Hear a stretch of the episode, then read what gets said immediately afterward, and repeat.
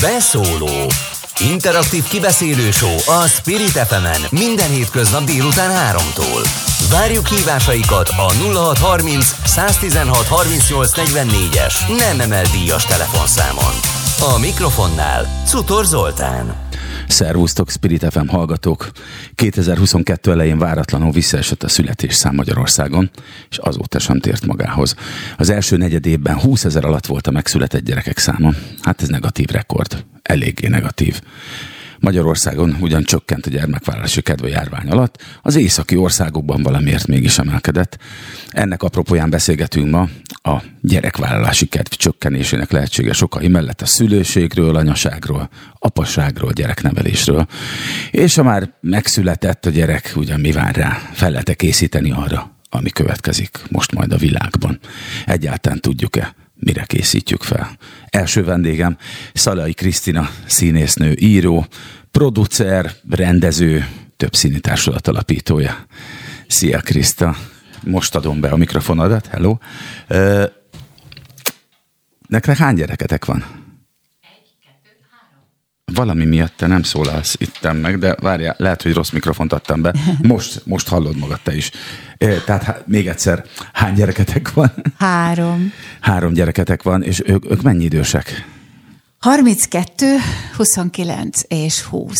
Akkor ők már nagyon nagyok. Tehát, hogy, hogy a, akkor emlékszel meg arra, hogy milyenben voltatok ti? Tehát, hogy mennyire volt kedvetek akkor, akkor gyereket vállalni, vagy mennyire voltatok a bármelyikük készülésénél, születésénél is lelkesek? Fel egyke tudod idézni? voltam, igen. Egyke voltam. Egyke voltam, úgyhogy én 17 éves koromban már annyira vágytam gyerekre, tehát így megálmodtam a magam gyerekét, akit aztán meg is szültem 25 évesen.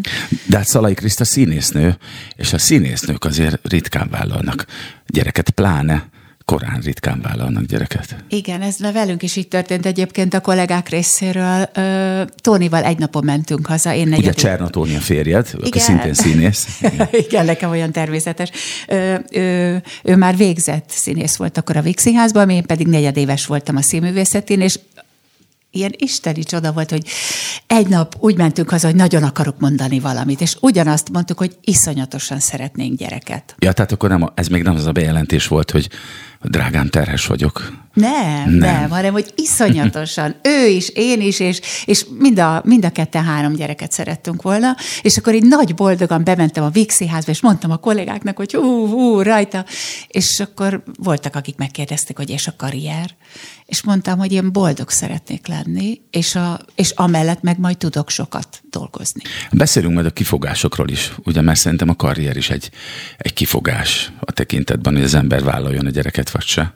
És azért biztosan megköveznek néhányan, meg biztos, hogy de most egy kicsit a népszerűségi indexem zuhanni fog, de hogy sok egyéb ilyen hasonló mostanában, vagy a az utóbbi időben eléggé menő kifogást fel fogunk sorolni. Hát a színészeknél és egyébként a gazdasági életben minél magasabb pozícióban van valaki, minél inkább nő valaki, annál inkább szereti ezeket a kifogásokat hangoztatni. Aminek az egyike, hogy, hogy a karrier.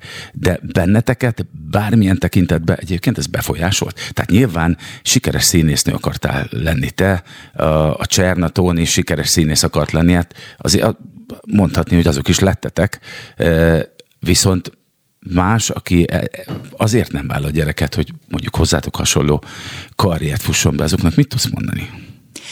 Ö, azt gondolom, hogy alapból a félelem van ö, emberekben. Tehát, hogy képes-e valamire, képes-e megoldani, képes-e a logisztikára, képes-e, mert hiszen mi gyakorlatilag nekünk évekig másról se szólt az életünk, mint hogy szerveztünk és, és nekünk nem volt nagyszülői háttér, tehát mi, mi találtuk ki, a Vix Színházban áldott állapotban voltunk, mert bevihettem az első gyermekemet, bevittem a, a járókát, és amikor felváltva voltunk színpadon, szerencse volt, hanem akkor pedig volt egy csodálatos öltöztető, aki vigyázott addig a, a, a nagylányunkra.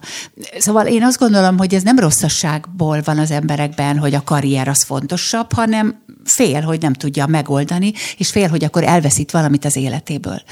És mi csak kaptunk. Én is azt gondolom, hát én ugye immáron hat hete vagy hét hete hadi gyerekes apuka vagyok. Úgyhogy nem, nem hiszem, hogy engem bármiről győzködni kéne, hogy, hogy miért jó gyereket vállalni, vagy miért ez az élet kiteljesedése, és ezért is volt már, aki megsértődött képzeld, mikor azt mondtam, hogy szerintem az élet kiteljesedés, kiteljesedése mégis az, hogy az ember utódott nemz, látja őket szépen felcseperedni, hát mi másnak örüljünk ebbe az amúgy is rövid, meg keserves életbe érted, hanem ennek. De ez nem rólam szól. Hát ez igen. a műsor elsősorban, hanem a vendégeimről, meg a témáról. Úgyhogy, de, de azt is el kell fogadni, hogyha valaki úgy dönt, hogy ebben az életében ő neki bőven elég a saját maga ő, kálváriája, vagy nem is tudom. Tehát, hogy saját magával bőven elég, hogy, hogy el van. Persze... Ne, hát nekem nyilván ezek, azokkal van problémám, akik nehezményezik azt, hogy én ilyen vagyok, és akkor hivatkoznak a, a, a klíma veszélyre, meg a meg mindenféle ilyen lehetetlen ö, dolgokra. Jó, hogy minek van, ha gyereketek, Igen, mert meg, hogy, meg hogy... tönkre tesszük a földet, meg, meg hogy amúgy is olyan nyomorult a világ, meg amúgy is olyan gyűlölettel De hogyha ezek a gyerekek vigyáznak többen? a földre, akkor az Hát jó, van. én is azt gondolom, hogy ezek, ezek, ezek tényleg egyrészt neve, nevetséges, másrészt nagyon-nagyon elszomorító kifogások. A, Zeli, imént említetted, hogy nem nagyon számíthattatok ö, nagyszülőkre. Jól értettem? Uh-huh. Mert hogy én azt veszem észre, hogy a, a mi generációnknál, ami a tiéd meg az enyém, nekünk vannak először olyan szüleink, akik azért mégiscsak békeidőben nőttek föl, békeidőben szocializálódtak, sokkal erősebb szociális háló volt az ő fiatalkorokban és az ő életükben, mint most a miénkben, vagy, vagy a mi életünkben, mikor mi voltunk fiatalabbak. E, és olyan, mintha így belekényelmesedtek volna. Tehát a mi szüleink az első olyan generáció, akik, aki simán elintézi egy vávonással azt, hogy hát most nem akarok, most, most inkább elmegyek a strandra apátokkal, vagy, vagy inkább elutazom apátokkal, mint hogy egy-két napra a hétvégén vigyázzak az unokákra. Legalábbis nekem ez a tapasztalatom, és be, nagyon irigylem azokat, akik, akiknek nem. Én azt gondolom, hogy ennek is, a gyerekvállalásnak is, és, és sok mindennek ö, gyökerei vannak. Tehát én, én pontosan tudom, hogy az édesanyámnak miért volt ez, ez inkább teher. Mert hogy amikor... Ráadásul ő... még egyszer had, hadd ismételjem meg, amivel kezdted, hogy te egyke voltál. Igen.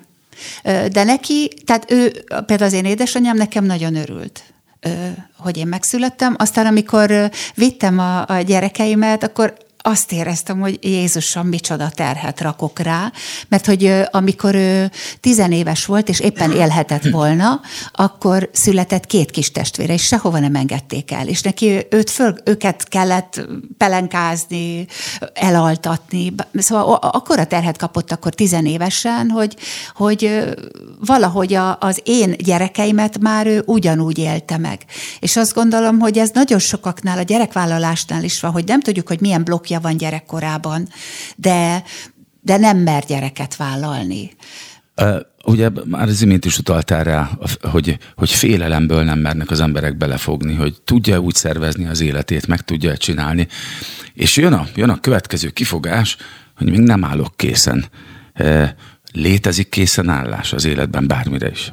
Amikor én megszültem a nagy, nagylányomat, akkor egyrészt rengeteget tanultam általa. Tehát mentem haza, ő, ő csak posolygott, én is csak mosolyogtam rá, szóval imádtam és öleltem, és azt éreztem, hogy tehát nagyon hosszú tanulási folyamat maton mentem keresztül. Egyrészt azt éreztem, hogy, hogy, hogy én nekem példaképnek kell lenni a számára. Tehát én nem viselkedhetek úgy a színházban, vagy bárhol, hogy utána hazamegyek, és egy másik arcomat mutatom. Tehát nekem nagyon egyenesnek kell lennem folyamatosan. És tehát ez egy nagyon nagy belső munka volt már akkor, és nagyon élveztem. Benned volt ilyen félelem, hogy készen állsz-e az anyaságra? Ó, nem. Nem? Alig vártam. Én alig vártam. Mert az azt tudod, els... hogy ez nem, nem általános, tehát inkább ez a félelem van a fiatalokban, akár apáról, akár anyára van szó, az első gyereknél, hogy vajon tényleg készen állok rá. Aztán majd ez is úgy működik, mint az életben annyi minden más. Dob valamit a gép, meg reagálunk rá valamit, és így kell gyereket nevelni is kb. Hát igen, de hát ez egy út, szóval, és, és ér minket meglepetés így is, úgy is. De az is Am- normális szerintem. Abszolút. Amikor a nagylányom pár hónapos volt, akkor jöttem rá, hogy, mert azért én is meg kellett küzdenem, vagy tudod, meg kellett, egy csomó mindent meg kellett oldanom, akkor tanultam, nincs szülőiskola, tehát ott oldottunk meg, amit, ahogy. És akkor rájöttem, hogy milyen jó, hogy nem rögtön egyetemista, mert így, így szép fokozatosan jutunk el lépésről lépésre a, a, mondjuk a kisebb feladatoktól a nagyobbakig.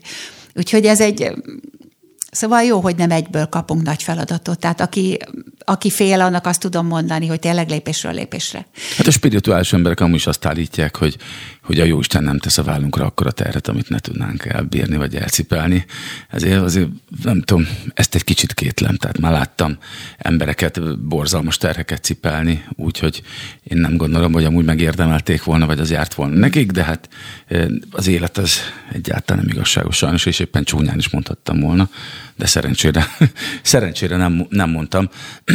Mikor beszéltél arról, hogy nincsen egy szülőiskola, azért van erre, vannak erre próbálkozások. A, a következő fél órában pont fog beszélgetni mert Kertész András Kóccsal, aki az Apa Idő projektnek az alapítója, és ő azért ad sok tanácsokat, meg egyre több ilyen segítség van. Amúgy az internet is az, de én azt gondolom, hogy, hogy a legjobb, hogyha az ember a, az ösztöneire hallgat. Mi emberek normálisan egészen jó ki vagyunk találva, tehát egészen jól tudunk ösztönből is reagálni, pláne ilyen alapvető készségekre, mint a szülőség. És ha már szülőség, ugye nem csak anya a szülő, hanem apa is.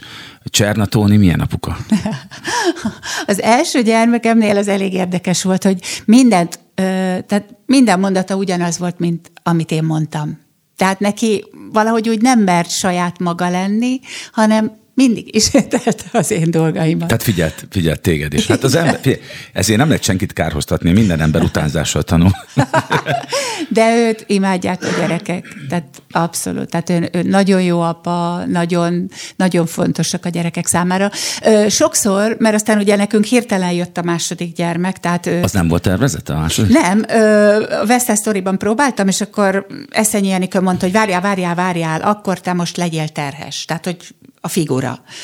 És aznap terhes lettem, és ezt nem hitték el, de én tudtam, hogy akkor Lélike megszületett bennünk, és, és akkor, na akkor volt egy olyan, hogy ezt meg tudom-e oldani. Sőt, Mennyi hogy a különbség a kettő, Tessék? két legnagyobb között? Mennyi a különbség? Két és fél két éves és fél volt év. akkor a nagylányom. Hát mikor ha. megszületett, akkor három és fél. És ugyanazt tudom elmondani a harmadik gyermekemnél is, hogy, hogy hál' Istennek, mert nagyon, nagyon szoros kapcsolatban vagyunk a lányokkal, és, és megcsináltam a tesztet Kristófnál, akit szintén évekig nagyon vártunk, és elmondtam a lányoknak. És hál' Istennek, hogy elmondtam, mert elmentünk sétálni Tónival és Csernatornival, és, és úgy elkezdtem számolni, én 40 éves voltam akkor, hogy hány éves lesz Kristóf, amikor, illetve én hány éves leszek, amikor ő érettségizik, és megijedtem. És aztán azt mondtam, hogy hál' Istennek, hogy a lányok tudják, és hál' Istennek, hogy nincs visszaút. És én ezt szeretem, hogy így működök, hogy nem gondolkozom előre. Ugye a Kristóf meg a lányok között azért nagyobb a különbség. Nagyobb, igen, 13 év, és 9. 13 és 9 év Tehát különbség. én igaziból nagy, igen. a következő életemben ilyet lehet, hogy nem vállalnék, mert három generáció volt, és ez több évig nem alvás. Na pont ezt akartam kérdezni, úgyhogy nagyon jó irányba kanyarodtál, ugyanis én hat gyerekem birtokában egész életemben volt egy olyan korú gyerekem, ez a ki ne szaladj le, ne, mit vettél a szádba, éjszakázás, az aggodalom, állandó alert, félszemmel állandóan arra figyelünk, hogy a kisgyerek mit csinál, és én mindenkinek tiszta szívből tudom javasolni a, a nagy családot, három gyerek vagy annál több, mert jó Isten úgy találta ki, hogy ez tényleg nagyon jól működik, de ha még egyszer neki indulhatnék, én 8-10 év alatt lezavarnám ezt az egészet. Mindenestől. Pont ezért hogy, hogy ilyen idősen, nem mindés, idősek most vagyunk, mert szépen hátradőlve üldögélhessek egy Margit szigeti teraszon a feleségem, és ígyuk a limonádét, vagy elmenjünk kettesbe biciklizni, ők Jó, meg hazajöjjenek azért... egyedül az iskolából. Oké, okay, de azért van, van egy anyuka, tehát aki mondjuk viszi a hátteret, tehát közben én meg azért éjjel-nappal dolgoztam is, tehát sikeresen úgy oldottam meg, akkor rengeteg energiám volt, hál' Istennek 30 mondjuk 40-ig, most is van, de hát akkor rengeteg. Tehát visszanézek, nem tudom, hogy hogy voltunk képesek napokig nem aludni.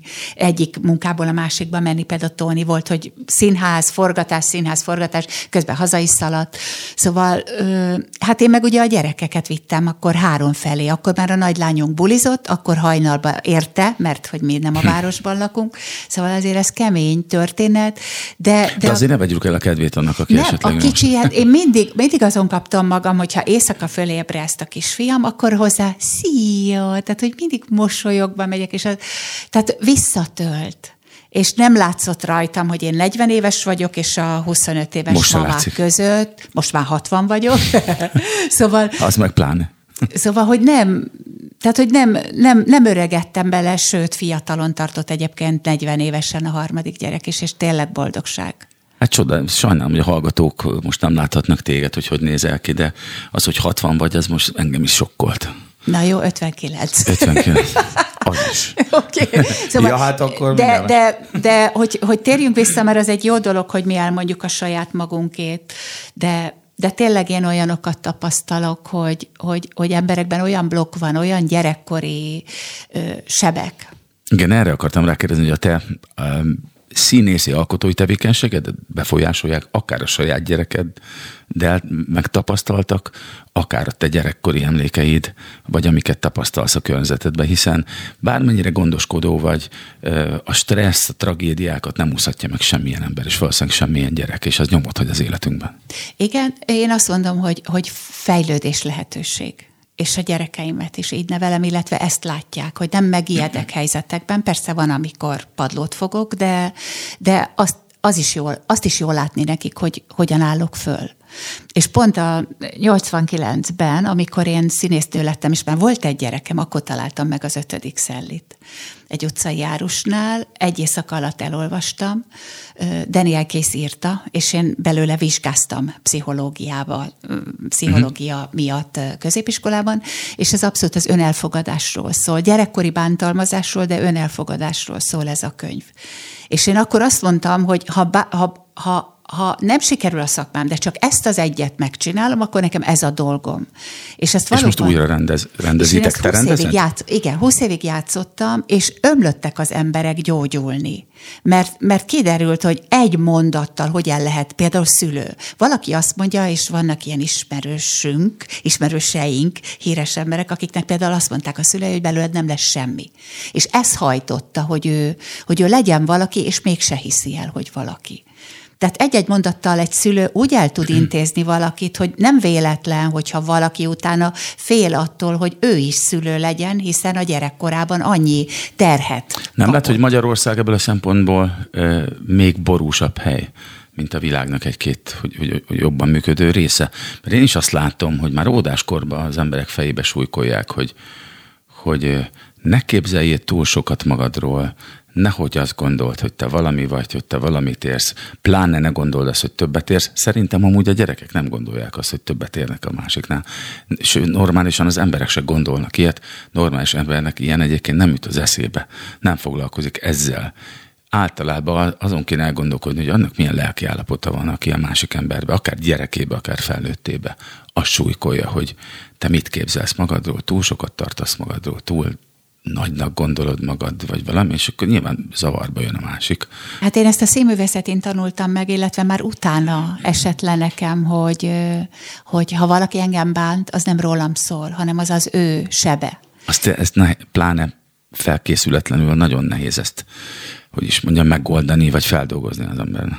Nekem egyszer ez egy álmomban jött, hogy, hogy nekem nagyon sokat, nagyon sokat bántottak a színművészetén, mert nekem akkor eléggé ment, és az osztálytársaim között voltak, akik így állandóan belém martak. És és egyszer csak álmomban leesett, hogy ez nem rólam szól, nehogy már tönkre menjek. És nyilván rengeteg szülő van, aki nem kapott eleget a szüleitől, nem kapott szeretetet, és úgy gondolja, hogy akkor most a gyereken levezeti azon a kis szerencsétlen kis, kis lelken, és továbbadja azt a sérülést, amit ő kapott. Tehát sajnos ez egy generációs történet. De Tehát, ha... hogy ez a kulcs tényleg, hogy nem kapott szeretetet? Mert minden, minden ilyen bántás szerintem erről szól, vagy minden visszabántás. Vagy az, amikor nem tudom másik embert megdicsérni, amikor nem tudsz köszönetet mondani, nem tudsz bocsánatot kérni akár a Nekem ez akkora dolog volt, amikor két éves volt a nagylányom, és, és valamiért bocsánatot kértem tőle, már nem tudom. És, és így nézett rám, és mondtam, hogy ne haragudj, hát most vagyok először szülő, hibázhatok. Jaj, de édes. És így Szóval meg olyan is volt egyébként, és ezek olyan szép pillanatok, hogy két, akkor is körülbelül két éves volt, és így fel akart menni egy mászókára is, hogy mondtad az aggodalmat. Hát persze, hogy aggódtam, tudod, hogy most hogy tudok rá vigyázni, és akkor mondtam, hogy ne menj föl, és így nézett rám, hogy miért. És mondtam neki, hogy igaz, azért, hogy nekem könnyebb legyen. Menjél, aztán majd valahogy úgy óvlak, de kapaszkodj, fogjad. És Ez hogyha... a normális hozzáállás, mert igen, ez is egy na- nagyon nagy falat, a kontrollmánia, hogy meddig, hogyan és miben akarjuk és kontrollálni. Bizalom. Igen, és mikor nem bízunk magunkba, hogy bíznánk a gyerekünkbe. És még van egy, van egy egy percünk, fél percünk ebből a fél órából. Mindenképp hangozik el, hogy az ötödik Szelli újra rendezett verzióját mikor és hol mutatjátok be, aztán majd visszajövünk Jó, és még folytatjuk. 20 évig játszottam, de hát 54 körül voltam, az éveket nem tudom soha, és, és akkor azt mondtam, hogy el kell engedni, viszont szeretném átadni egy fiatal színésznőnek. Úgyhogy a Tália Színházban játszok, mondhatom az időt, és hogy mond, most például mond. még ebben az évadban május 8-án megtekinthetik. Mert azt az éreztem, vasárnap, ugye? Most igen. vasárnap. Tehát azt éreztem, hogy, hogy folytatni kell, az emberek fognak ugyanúgy jönni, tehát hogy tükörben nézzenek mert a színház tükröt tart. És le, akkor nem is te játszol benne, te csak rendezed? Igen, Pető Kata a főszereplő. Pető Kata a főszereplő, ő az ötödik Szellitária Színház, és ebben az évadban lesz még, vagy most egyelőre ez? Ö, még nyolcadikán meg lehet nézni, május 14-én is lesz, de az már fullos fullon van. Úgyhogy. Az már fullon van. Úgyhogy még a nyolcadik előadása ezek szerint lehet is egyet kapni. Innen fogjuk folytatni, és a következő fél órában becsatlakozik a beszélgetésbe Lincényi Márk énekes, a Kisapán Podcast alapító műsorvezetője is. Maradjatok velünk. Beszóló Interaktív kibeszélő show a Spirit fm minden hétköznap délután 3-tól.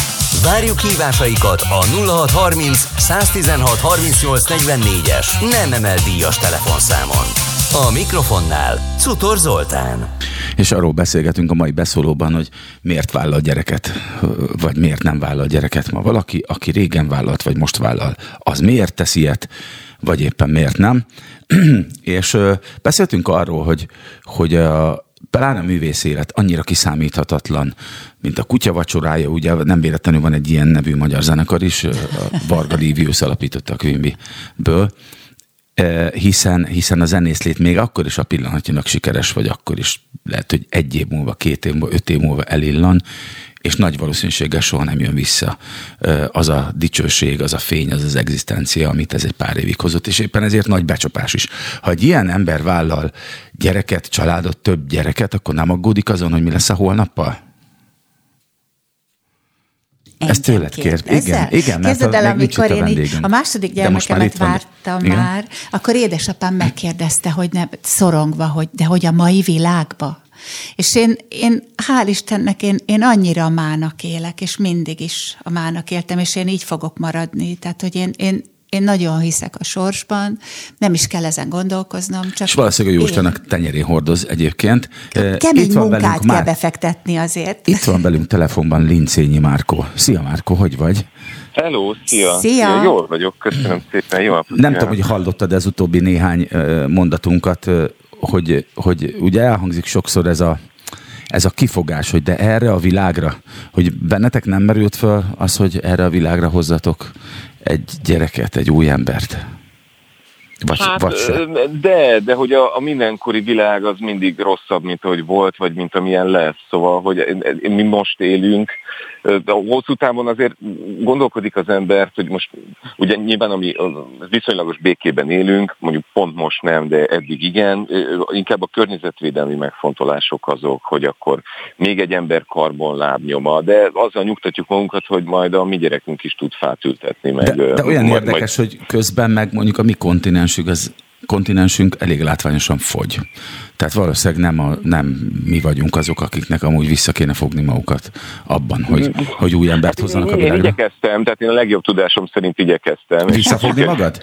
nem. nem, nem visszafogni, nem visszafogni magam, hanem reprodukálni magam, és hát ez sikerült. Aztán, hogy ez, ez jó vagy sem, az már most Med... már nem az én problémám. Ti meddig vártatok a gyerekvállalásra, Márko? Hány éves voltál hát, te? Én, Ö, hát én viszonylag későn lettem apuka, én 37 lettem, amikor 37. apuka lettem, tehát én azért egy ilyen megfontolt, tehát én, én azért többet vártam, mint te Zoli. Ö, hogy, Sem, hogy, csak egy 15 évvel. Igen, igen, igen, viszont öttel kevesebb gyerekem van. Tehát, igen. igen, igen, úgyhogy most három évente. Izé. Na mindegy, ö, hát igen, szóval én viszonylag sokat vártam, ö, de hát addig nem is baj, hogy addig nem lesz, mert nem nőtt még be a fejem lágya. Szóval, hogy a, szerintem az első adandó pillanatban, amikor éreztem, hogy készen állok rá, akkor, akkor az úgy lett is. Nagyon jó. Na, ez a központi témám nekem ez, az egész gyerekvállalással kapcsolatban, hogy az ember készen állhat-e, de Kriszta, Szalai Kriszta ül velem itt a stúdióban, és ő is szeretne kérdezni valamit. Szia, Szalai Kriszta vagyok, és azt szeretném kérdezni, hogy mi, mi, mi tartott vissza? Tehát mi, mitől érezted azt, hogy te még nem vagy készen, hogy nem, nem, nem értél meg magad számára, de mi, miben nem? Hát egész egyszerűen annyi történt, hogy, hogy nem, tehát egyik pillanatról a másikra olyan 34-5 éves koromban elkezdtek érdekelni a gyerekek. Hogyha egy társaságban gyerek volt, akkor vele foglalkoztam. Kicsit bizonyos tekintette, jaj, de aranyosak, megálltam az útszélén, hogyha jött. Úgy elkezdtek érdekelni újra a mesék, ez az egész gyerekvilág. És akkor valahogy tudtam, hogy, hogy készen is vagyok, de hogy a tudat alatt én mikor tette készé magamat, hát nyilván addig csomó ilyen felnőtté válás konfliktusait, szorongásait kellett megoldani. Egzisztenciális van ez problémák? A ne, nem is annyira egzisztenciális problémák, mert arra soha nem áll készen az ember, illetve fordítva, tehát nekem akkor kezdődött el rendeződni az egzisztenciális helyzetem, amikor nagyon rá voltam szorulva. Tehát amikor ott volt egy síró baba, és egész egyszerűen akkor most több pénzt kell csinálni. Mert ugye, hogy az élet egy... ilyen, hogy dob valamit a gép, igen. és azt kell igen, megoldani. Tehát nem az van, hogy először várjuk, hogy szülessen egy biztonságos megoldás, és majd abban mit csinálunk valamit. Igen, mert akkor ugye, tehát most egy barátomtól hallottam a múlt héten, hogy hát én először szeretnék Amerikában egy ösztöndíjat megszerezni, ez két év, és utána jöhet a gyerek. Na most egy, egy ilyen gondolkodással soha nem lesz gyerek, mert mert mindig lesz egy újabb két év, vagy mindig lesz egy újabb projekt, amit, amit le kell zárni. Viszont, hogyha ott van a gyerek, akkor meg már nincsenek hülyeségek, akkor nincsenek ö, ö, olyan projektek, amiknek nem tudom, hogy le fog-e záródni, hanem akkor csak biztosra megy az ember. Úgyhogy én, én végül is teljes értékű felnőtté a gyerekem miatt váltam, de ez, mm, ez a változás elkezd, elkezdődött még a, még a gyerek születése előtt. Tehát akkor kimondható az, hogy nincs alkalmas pillanat? Vagy hogyha van alkalmas pillanat, akkor honnan veszük azt észre szerinted? Szerintem onnan nekem az volt ez a, ez a nagy óra, ami, ami egyszer csak elkezdett csörögni, hogy érdekelt az egész gyerekkérdés, hogy, ér, hogy amikor, amikor láttam egy gyereket, akkor, akkor próbáltam vele kapcsolatot teremteni. És az is ugye milyen nehéz, amikor nincsen gyerekünk, akkor ugye legtöbbször lerohanjuk a gyerekeket, és oda megyünk. Ja, gyere, itt van, ezt nézd, és akkor a gyerek meg ugye lefagyva állt szegény rezzenéstelen arccal, és nem tud mit csinálni. És az is, hogy amíg az ember rájön, hogy majd, hogyha a gyerek közeledik, akkor közeledik, akkor megvárom, amíg lelassulunk az ő tempójukra, amíg megpróbálunk mi részt venni az ő világukba, amíg, amíg le tudunk googolni hozzájuk, amíg ezeket megtanuljuk, szerintem akkor állunk készen rá. Feltűnően bölcs vagy ahhoz képest, hogy egy gyerek édesapja vagy. Terveztek többet? Abszolút, abszolút, abszolút. Nagyon helyes. És, és, és azt hiszem, hogy már dudál a kanyarban, tehát hogy már, már elég jól, már elég, már, elég, már elég jól állunk, de hát de aztán elég, köszönöm szépen, tehát hogy én nem, csinálok hatot, én nem csinálok hatot, Zoli. Én nem csinálok hatot. Hát majd meglátod, hogy ez hanyasikrek lesz. lehet, hogy most... jó, jó, az lehet. Ez igen, egyszer, lehet. egyszer már ezt mondtam neked egy korábbi beszélgetésünk alkalmával, hogyha, hogyha válaszolsz, tényleg ezt javaslom mindenkinek, ha sok gyereket szeretnél, azt nagyon gyorsan tessék lezavarni, mert akkor hamarabb túl leszel rajta, és akkor előtte és utána van idő. Nyilván lesz nagyon-nagyon kemény 5 éved, 8 éved, 10 éved, de, de utána egy kicsit hátadőlhetsz, kiengedhetsz. Az a fura, nekem azért fura Lincényi Márkal összeegyeztetni az apaságot, mert annyi extrém dologban voltál benne, mint, mint zenész, mint előadó, mint nyilvánosság előtt extrém gondolatokat, nézeteket, ügyeket képviselő ember, hogy, hogy szeretném egy picit megismerni ezt a folyamatot, hogy mikor, hogy, hogy mitől kezdte el azt a gyerekeken kívüli vonzó, vagy a gyerekekhez való vonzódáson túl, mikor kezdted azt saját magadról gondolni, hogy összeegyeztethető a hagyományos apakép Lincégyi Márk személyével? Hát egyrészt Lincényi Márk személye is sokat változik, ugye, hogy Churchill mondja, hogy aki a 20-as éveikben nem liberális, annak nincs szíve, aki nem konzervatív a 40-es éveire, annak nincs agya és ez, ez, ez valahogy engem is utolért ez a végzet, és, és az van, hogy lehet macskanadrágban ugrálni a színpadon, meg, meg mindenféle karakter bőrébe bújni, de egy idő után az ember felnő, vagy túlnövi ezt az egészet, és már az a provokatív ego, aki, akiknek, vagy azok a provokatív alter ego, akiknek a bőrébe bújtam, azok már, már nem úgy élnek, vagy nem úgy fortyognak bennem, hanem van egy kikristályosodott felnőtt személyiségem, ami bármennyire is borzasztó, együtt jár az őszüléssel és a kopaszodással, és hát nyilván nem erről álmodoztunk tizenéves korunkban, hanem arról álmodoztunk, hogy Keith Richardsok leszünk végül, vagy egész életünkben, de hát, hát nem, figyelj, lehetünk, még lehetünk nem lehet minden. Még lehetünk, igen, igen, még lehet olyan csúnyák, de nem lehet mindenkiből Keith Richards. Belőlem nem lesz.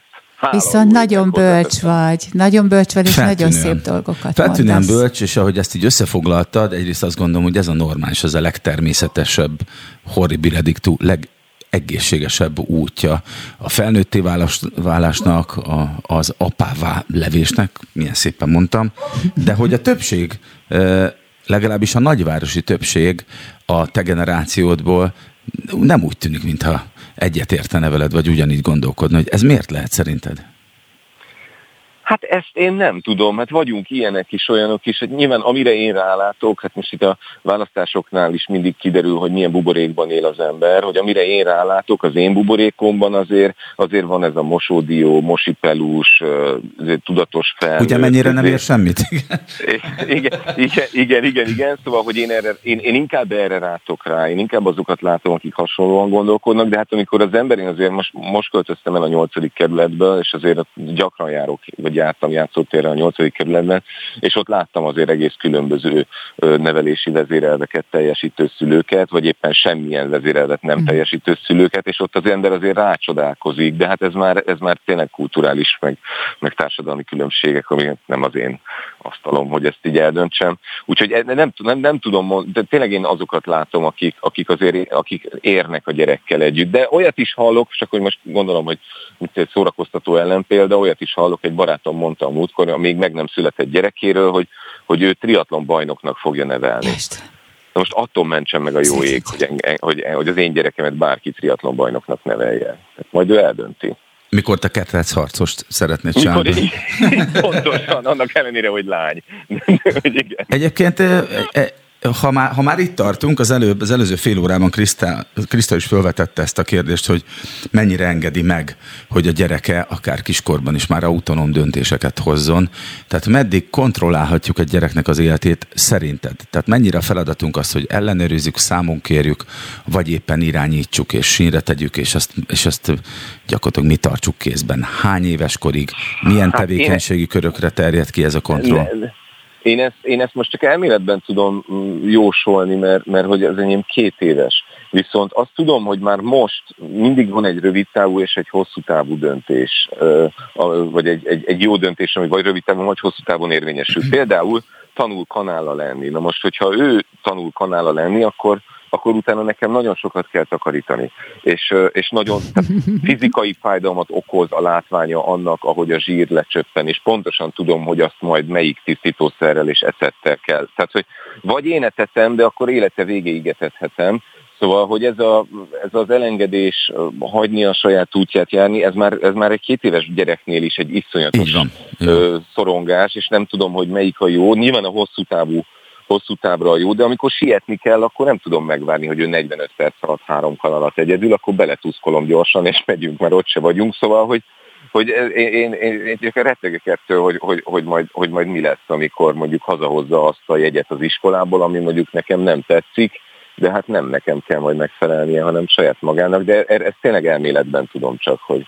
Az első gyerekemnél olyan nagyívű terveim voltak, hogy hogy majd milyen kifogástalanra nevelem én. Most a hatodik gyermekem birtokában azt gondolom, hogy minden hitemet elveszítettem a nevelés fontosságával, de ez nem azt jelenti, hogy, hogy nem törődök velük. Hát persze meg kell tanítani őket, bekötni a cipőfűzőjüket, meg hogy, ahogy mondott, késsel, villával lenni, vagy kanállal lenni, meg kell tanítani arra, hogy tessék visszaköszönni, vagy előre köszönni a lépcsőházba, meg összehajtogatni a ruhádat, meg hova kell kidobni a szennyest, meg hogy legalább reggel este mossunk fogat. Nyilván ezer ilyen dolog tör, történik, ami, ami tényleg azt gondolom, hogy, hogy szülői kötelező kötelesség, tehát hogy nem is fér hozzá kétség, viszont körülbelül ebbe kiismerül a nevelés, mert hogy egyébként ezen kívül szinte sehogyan nem tudod szándékosan irányítani a gyereked életét, legfeljebb példákkal. Szerintem Igen. a beszélgetés a legfontosabb, és szeressük. Szeressük. Ennyi. Igen, igen. Lehet, lehet, hogy keveset hangzott el, mint, mint fontos alapvetés a szeretet. De, de valóban, hát azt gondolom, hogy ezt talán, ha keveset beszéltünk róla, akkor azért van így, mert annyira alapvetés. Hát, nem tudom. Nekem volt olyan pillanatom, amikor ö, ez egy hosszú történet, de mindegy, egyszer csak ráébredtem arra a második gyermekemnél, hogy Jézusom, nem szeretem eléggé. És amikor ezt kimertem magamnak mondani, mert vele őt fejleszteni kellett, és csak hoztam, vittem, és, és csináltam mindent, akkor rájöttem arra, hogy szeretni kell. Ez az alap, ez az alap. Hát amúgy mindenféle. Tehát az, hogy én itt ülök a rádióban és beszélgetek veled, és ez egy egészen normális, természetes beszélgetésnek hallatszik, és remélem, hogy a telefonon a másik végén Márkó is így gondolja.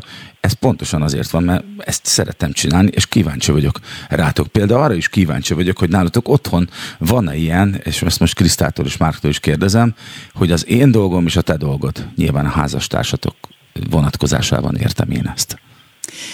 Még egy picit hagy, hagy csatlakozzak már, már a, a játszóteres történethez, hogy, hogy, hogy mondta, hogy különböző emberek vannak. Tehát az se jó, hogyha valaki le tudja a szülést, és utána azt látjuk, hogy hát sajnos inkább idegesíti a gyerek. Na most csak ennyi csak a szeretetről, és hogy le, nem, nem szabad megfelelni, még a szülésben sem, bocsi. Szóval, tudom, még, hogy... még, még a szeretetről nekem is van egy egy nagyon érdekes példám, hogy biztos ezen minden apuka átmegy, de hogy én, a, vagy, vagy minden szülő, de én az elején próbáltam nagyon a lehető legjobb apuka lenni, és olyan, olyan szinten őrültem ebbe bele, vagy csavarodtam be, hogy akkor a, a gyerek testi fejlesztése, hogy akkor most 30 fokos szögben emelje a jobb kezét a labdára, akkor most a bal kezét, akkor így, meg úgy, és aztán egyszer csak, egyszer csak ráébredtem, hogy hát ez nonsens. Hát én mint egy ilyen, mint egy ilyen kiképző táborban nevelem a gyerekemet. Tehát ez az első katona. gyerekek szinte mindig áldozatul esnek ennek a törekvésnek. Igen, igen, igen, igen és, akkor, és akkor pont ez a szeretet, amit mondtok, hogy a, rájöttem, hogy ha én egyszerűen csak fekszem bele a játszó szőnyegen, és labdázunk, és én élvezem, amit ő csinál, és ő irányít, akkor ugyanúgy 30 fokos szögben fogja emelni a kezét. Csak, csak nem egy tesi óra lesz az egész, hanem egy, egy együtt töltött jó idő. Igen. Tehát egy, egy, egy, jó délután. Tehát, és én azóta ezt, ezt csinálom, és ő irányít abszolút. Persze nyilván ö, nehéz ez, mert amikor, amikor 256 szóra kell azt a botot fölemelni és betenni, a, és utána akkor már nekem annyira nem izgalmas, de hát nem az a lényeg, hogy nekem izgalmas legyen, hanem hogy neki. Igen, a gyerekek elképesztően élvezik a repetitív dolgokat, ami Igen. az ilyen kis apróságokat is idegesítően sokszor megismétlik, és, és mit, mit megné, a Toy Story 3-at megnézik nyolcszor egymás után egy héten. és, na mindegy, és tele vagyunk ilyen, hát nyilván nagy türelmet igényel, és ugye egy közösség mindig úgy hatékony, hogyha van feladat megosztás, és mindegy, hogy egy családról beszélünk, vagy egy munkahelyről, vagy éppen egy országról. Nálatok otthon van, és akkor visszatérek az előző előző eh, túlkorán föltett kérdésem az, hogy van-e olyan otthon nálatok, hogy ez az én feladatom, ez anyuci feladat, ez apuci feladata, eh, miért nem csináltad meg, vagy minden mindenkinek a feladata, és aki ott van, csinálja? Hát nálunk, nálunk ennek a beállításán ez a, ez a feladat kiosztás, ezen folyamatosan dolgozunk, és egy gyerek egy, tehát senki nem készíti föl a szülőket arra, hogy itt mennyi feladat lesz, és mennyi saját programot kell ezért feladni, vagy lemondani, vagy hogy mennyi lemondásra jár, és, és ez azért sok, tehát hazudnék, hogyha azt mondanám, hogy ez nem okoz konfliktusokat, mert egész egyszerűen újra kell az egész táblázatot írni, hogy akkor kinek mi a dolga. És mi okoz konfliktust? Után... Mi, milyen típusú feladatok? Vagy minden. helyzet? Minden. Nagy, minden. minden. De most nem is, és most nem is csak arra gondolok, hogy akkor, a, hogy akkor az esti rutin, hanem amit, amit nem gondol végig az ember, vagy nem, egy ilyen vörös felkiáltó jelen nem osztogatnak pamfleteket, hogy onnantól kezdve, hogy gyerek van, valaki száz százalékban rá kell, hogy figyeljen, mert különben elesik, ellopják, nem tudom. Bocsánat, de, akkor, hogyha egy van. Én ezt ja, meg tudom ja, erősíteni. Igen, igen. Ez akkor van így. Igen, igen, hogy igen, igen, igen. És, és hát ez, ez azért, tehát hogy akkor most melyikünk dolgozik, most melyikünk csinálja, most kieresztette le a kádvizet, most akkor lett pelenka véve, nem? és amíg ez beáll, azért az hosszú hónapok, akár nem is konfliktusmentes időszaka. Te, Kriszta, hogy emlékszel, hogy nálatok volt ilyen feladatmegosztás? Én nem emlékszem konfliktusra. Arra emlékszem, hogy egyfolytában szerveztük, és ki kellett találni, és ment a logisztika, de, de nálunk mindenki mindent csinált. Tehát ez, ez körülbelül így volt. Amit én nem szerettem, hogy például amikor én nagyon sokat dolgoztam, akkor Tony elkezdett főzni, és akkor az borzasztó És nem volt, szeretted, hogy főz? Nem, Isten ilyen főz, de borzasztó érzés volt, hogy hazamentem, mint családfenntartó kvázi, és akkor ő ja, az, az nagyon rossz Ő volt a háziasszony. Igen. Tehát és az ezt... téged nyomasztott? Igen. De akkor lehet, hogy őt is, nem? Nem, őt nem, mert ő imád főzni. Úgyhogy nem. Tehát, hogy... Te azt érezted, hogy te nem végzed el valamilyen kötelességedet? Nem kötelesség, hanem hogy nekem kell gondoskodni, és hogy rossz érzés, hogy ő, ő szereljen mindent. Tehát, hogy legyen ő a szerelő, meg a nem tudom. De azt tudod, hogy most egy, egy, egy picit is nálad feministább vendég itt ülne, akkor most villámokat szórna a szeme, mikor rád néz. Nem baj. Miközben téged az, ez amúgy feministának ismernek. De ez az én életem, és nekem az, az a jó, hogyha én gondoskodok, de a Tony is nagyon gondoskodó, csak én szeretnék jobban gondoskodni. Szerintem egyszerűen tök normális, hogy, a, hogy egy családon belül van munkamegosztás, és, és felosztjuk a feladatokat, mert nem, egyszerűen nem lehet máshogy élni. Ilyen de nincs, így élünk, igen. Ilyen, ilyen, ilyen nincs, tehát szerintem sokkal nagyobb kilódás, hogy olyan családba élni, ahol minden, minden, mindenkinek a feladata, és lehet, hogy sokkal nagyobb káosz is, meg boldogtalanság is. Márkó, te innen nézve, hogy látod, hogy hogy mi a legnagyobb nyereség, illetve mi a legnagyobb áldozat abban, hogy te apa vagy? Hát a legnagyobb nyeresség az, az, az tényleg az, hogy, hogy van egy ilyen újjászületés a, a, az embernek, és sokkal jobban élvezem ezt a igaz felelősségteljesebb életet, de, de mégis, hogy egyből tudom, hogy mi a jó megoldás. Gyorsabban pörög az agyam, jobban tudok fókuszálni, nem csinálok hülyeségeket, vagy hát igyekszem nem csinálni hülyeségeket. Szóval, hogy ezt nagyon élvezem. A, a lemondás része, hát az, az amikor az, az elején én azt képzeltem, hogy meghalt az a, az a, az a lényem, aki, aki a gyerek előtt volt, és aztán sokat gondolkodtam ezen, meg dolgoztam ezen, hogy már ne halálként ö, értékeljem ezt, hanem, hanem egy De miért, miért gondolják ezt sokan, hogy, hogy akkor véget ér az ember élete? Meg ezek szerint voltak olyan pillanatok, amikor te is így, élete. így, ért, így nem, élted meg. Nem az ember élete, de már nincs az, hogy az ember elmegy egy barátjával mondjuk kajakozni, és akkor utána megiszik egy fröccsöt a Dunaparton. Vagy hát van is, de hónapok szervezése előzi meg. Tehát már nincs az, hogy kifolyik az ember kezéből az idő, már nincs az, hogy az ember csak úgy céltalanul sétál, nincs az, hogy úgy dolgozom egy zenén, hogy vagy elkészül, vagy nem, és akár hónapokig, mert már luxus. Tehát az, ez a luxus, ez a magamra fordított időnek a luxusa, ez most a gyerekemre fordított időnek a luxusa lett, de egy pillanatig nem cserélnék az előttem, vagy a régi énemmel. Hát reméltem, előtte... hogy erre lyukadsz ki, hogy nem, nem az van, hogy ez jó van így? Jó, hogy pontosan jól, így van jól. jól van így, csak az elején az ember megijedt tőle, mert váratlanul éri olyan kicsit, mint kijárni egy gimnáziumot, és én emlékszem, vagy még inkább az általános iskolát, emlékszem, hogy friss gimnazistaként vissza-vissza járogattam délután az általános iskolába, és ott nosztalgiáztam, hogy hát ott milyen jó volt ülni utána a padon. De kicsit ilyen, egy gyász. Nálatok mi, hogy, hogy volt ez, a, e, ez az ügy, hogy, hogy nem, nem volt ilyen, hogy azt éreztétek, hogy, hogy akár a karrier, most a Krisztát kérdezem, bocsi, hogy hogy a, akár a karrier, akár a magánélet, vagy a szórakozás rovására megy az, hogy, hogy viszonylag fiatal színészként babákat vállaltatok?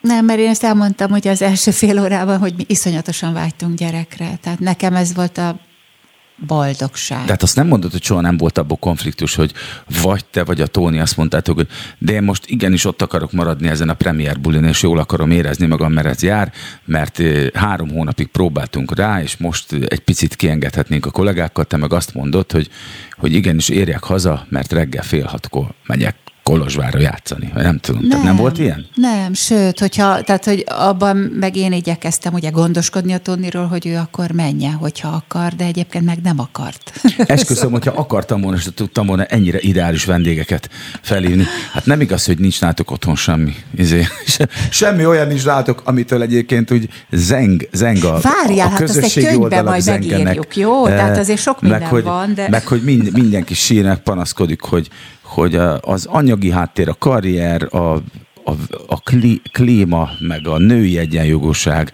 meg hogy készen állunk-e. Tehát már, már elkezdtem irigykedni rátok, komolyan. Volt olyan pillanat, amikor mentünk uszodába, mindenkinek mindent bepakoltam, és az uszodába jöttem rá, hogy magamnak meg nem pakoltam be. Ez Ezek egy... szerint... Jaj, de jó, de jó. És ez nagy tanított... a nudista strandra. Hát, nem tudom, valamit kaptam kölcsön ott az usziból, de hogy ez egy nagy tanulság volt, hogy, hogy magamra is figyelni kell. Tehát, nagyon hogy... érdekes, nagyon-nagyon érdekes, mert én mostanában kezdtem, ezt soha életemben nem hagytam el semmit.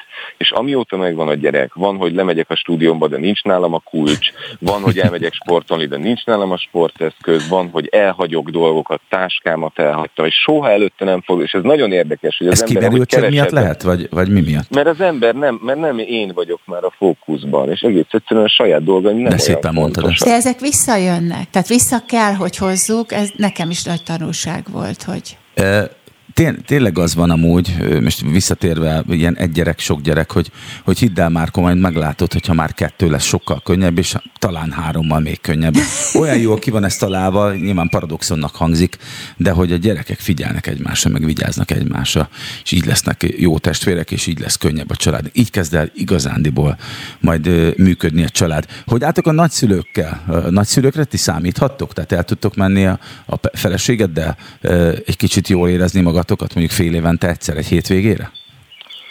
A, nagyon nehezen indult be ez a nagy szülőzés, mert, mert ez egyik Amerikában, a másik vidéken, de, de most hazarendeltük őket, és azt mondtuk, hogy állj, eddig és ne tovább, egy picit próbáljuk ki ezt a nagy családmodellt, hogy hogy működik, ez nem véletlen csinálják az emberek évek óta. Szóval hál' Istennek szót fogadtak, és hát sokkal, tehát az van, hogy, hogy egyrészt jobban szeretik a nagyszülők az unokákat, mint bennünket. Tehát, hogy ez, ez, ez, ez a legszuperebb kapcsolat, ez a, ez a gyerek nagyszülő. Hát még jó. Mert az unoka nagyszülő, mert, mert ott ugye nincsen az a, ez a szülő-gyerek állandó konfliktus, ami mindig van, de hát ez egy, egy szükségszerű dolog, ez a szuperegó legyőzése, az apa legyőzése, az, stb. stb.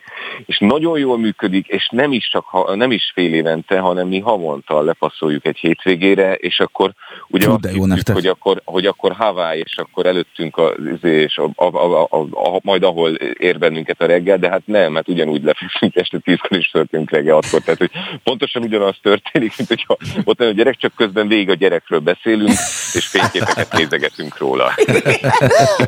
igen, ugyanez volt náluk, és meg volt olyan, hogy igen, így pont szabad időnk lett, és semmi nem volt akkor, se színházban, se moziban, és ott tétlenül úgy témferegtünk az utcán, hogy most Hát persze, van. hát ugye most van az egyedüli szabad esténk, elmenjünk valahova? Hát dehogy is, hát hülye vagy, hát most van az egyedüli szabad esténk, élvezzük, hogy nem kell menni sehova.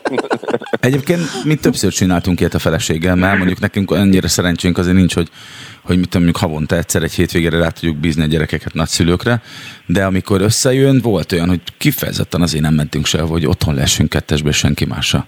Nekem figyelni. Igen. Márko, nagyon köszönöm a beszélgetést. Én Ez a fél nagyon, nagyon gyorsan Szia. lejárt. Majd folytatjuk, ha más nem privátban.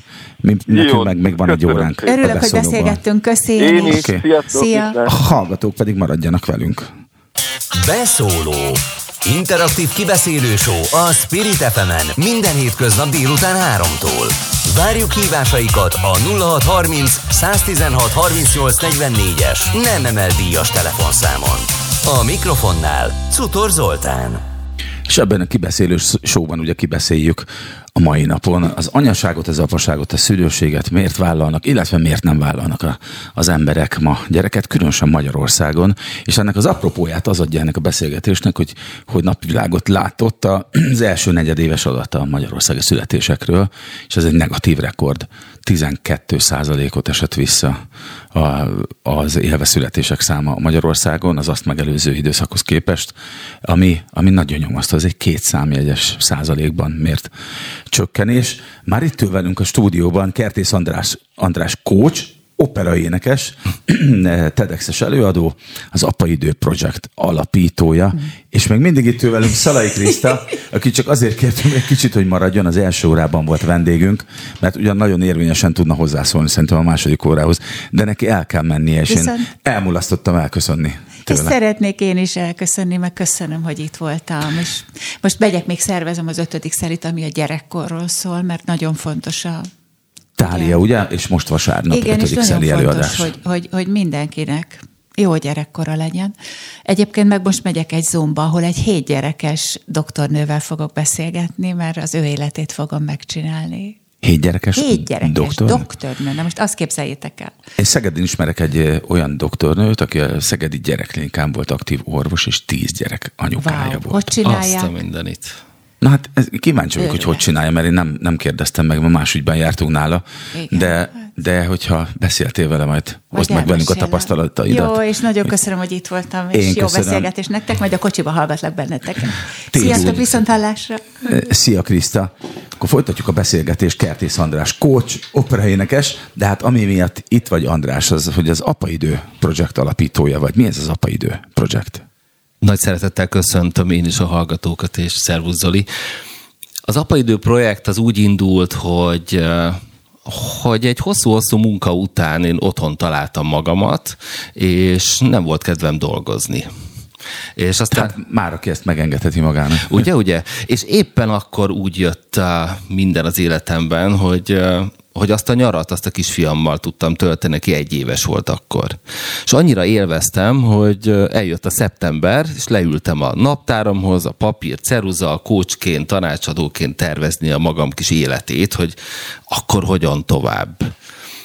És akkor úgy döntöttem, hogy hát az úgy nem lesz oké, okay, hogy ő elmegy a bölcsibe, én meg napi, vagy heti öt napot fogok dolgozni, és alig látom, ahhoz képest, hogy 24 órát voltunk együtt az előtt hónapokon keresztül. Ugye milyen nehéz elszakadni a gyerektől, egyébként bármilyen korú gyerektől, nem csak a kicsiktől, hát szörnyű. hogyha húzamosabb időn keresztül együtt vagytok, bármilyen családtaktól. Hallgattam a beszélgetést a Krisztával, és ott szó volt róla az elmúlt egy órában, hogy, hogy mennyire megváltoztatja a gyerek az ember prioritásait, hogy mi a fontos az életben. Én teljesen veled vagyok abban, hogy, hogy hát ennél nagyobb dolog, kevés dolog történhet az életben. Szóval valahogy úgy nagyon-nagyon átalakítja azt hiszem az De miért van az, hogy aki egyébként ezt nem élte meg, az egyrészt e, az ilyen emberek egy jelentős része, vagy szemmel látható része, inkább így mondom, egyrészt a megrökönyödéstől rázza a fejét és tiltakozik, hogy nem így van, és ez még talán a jobbik eset van, amikor kifejezetten meg, megsértődnek ezen, vagy megbántódnak, visszaszólnak, elkezdenek szídni, elkezdenek letorkolni. Hogy, mert azt hiszik, hogy ha te erről beszélsz, akkor azt hiszik, hogy ezzel te egy tukmálod rájuk, vagy erőlteted, hogy ezzel foglalkozzanak, vagy ilyen legyen az ő életük. Pedig szerintem csak az örömüket akarjuk megosztani. Tudod miért? Mert vannak dolgok az életben, amit nem lehet elmagyarázni másoknak.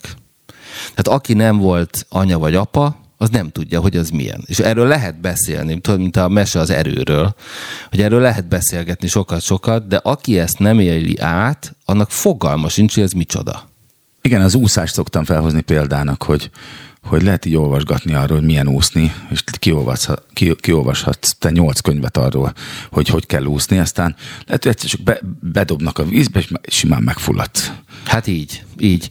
Na, visszatérve, szóval a kérdésedre válaszolva, az Apa Idő projekt az egy, az egy olyan projekt, ami azért született, mert azt éreztem először saját magamban, hogy szeretnék erről ebben, a, ebben az állapotban, hogy apaság, tudatosan ott lenni, és észrevettem egy csomó hibát, amit én elkövetek, vagy amit szeretnék másképpen, de nekem nem megy, stb. stb. És akkor erről elkezdtem írni a Facebookon, azt olyan több mint százezren olvasták, aztán tartottam TED előadást róla, mert úgy hozta az élet, és aztán utána szerettem volna folytatni, mert az, azt a visszajelzést kaptam a, a világból, a barátoktól, a, a rengeteg embertől, aki rám írt és fölhívott, hogy ez fontos, és hogy beszélj róla.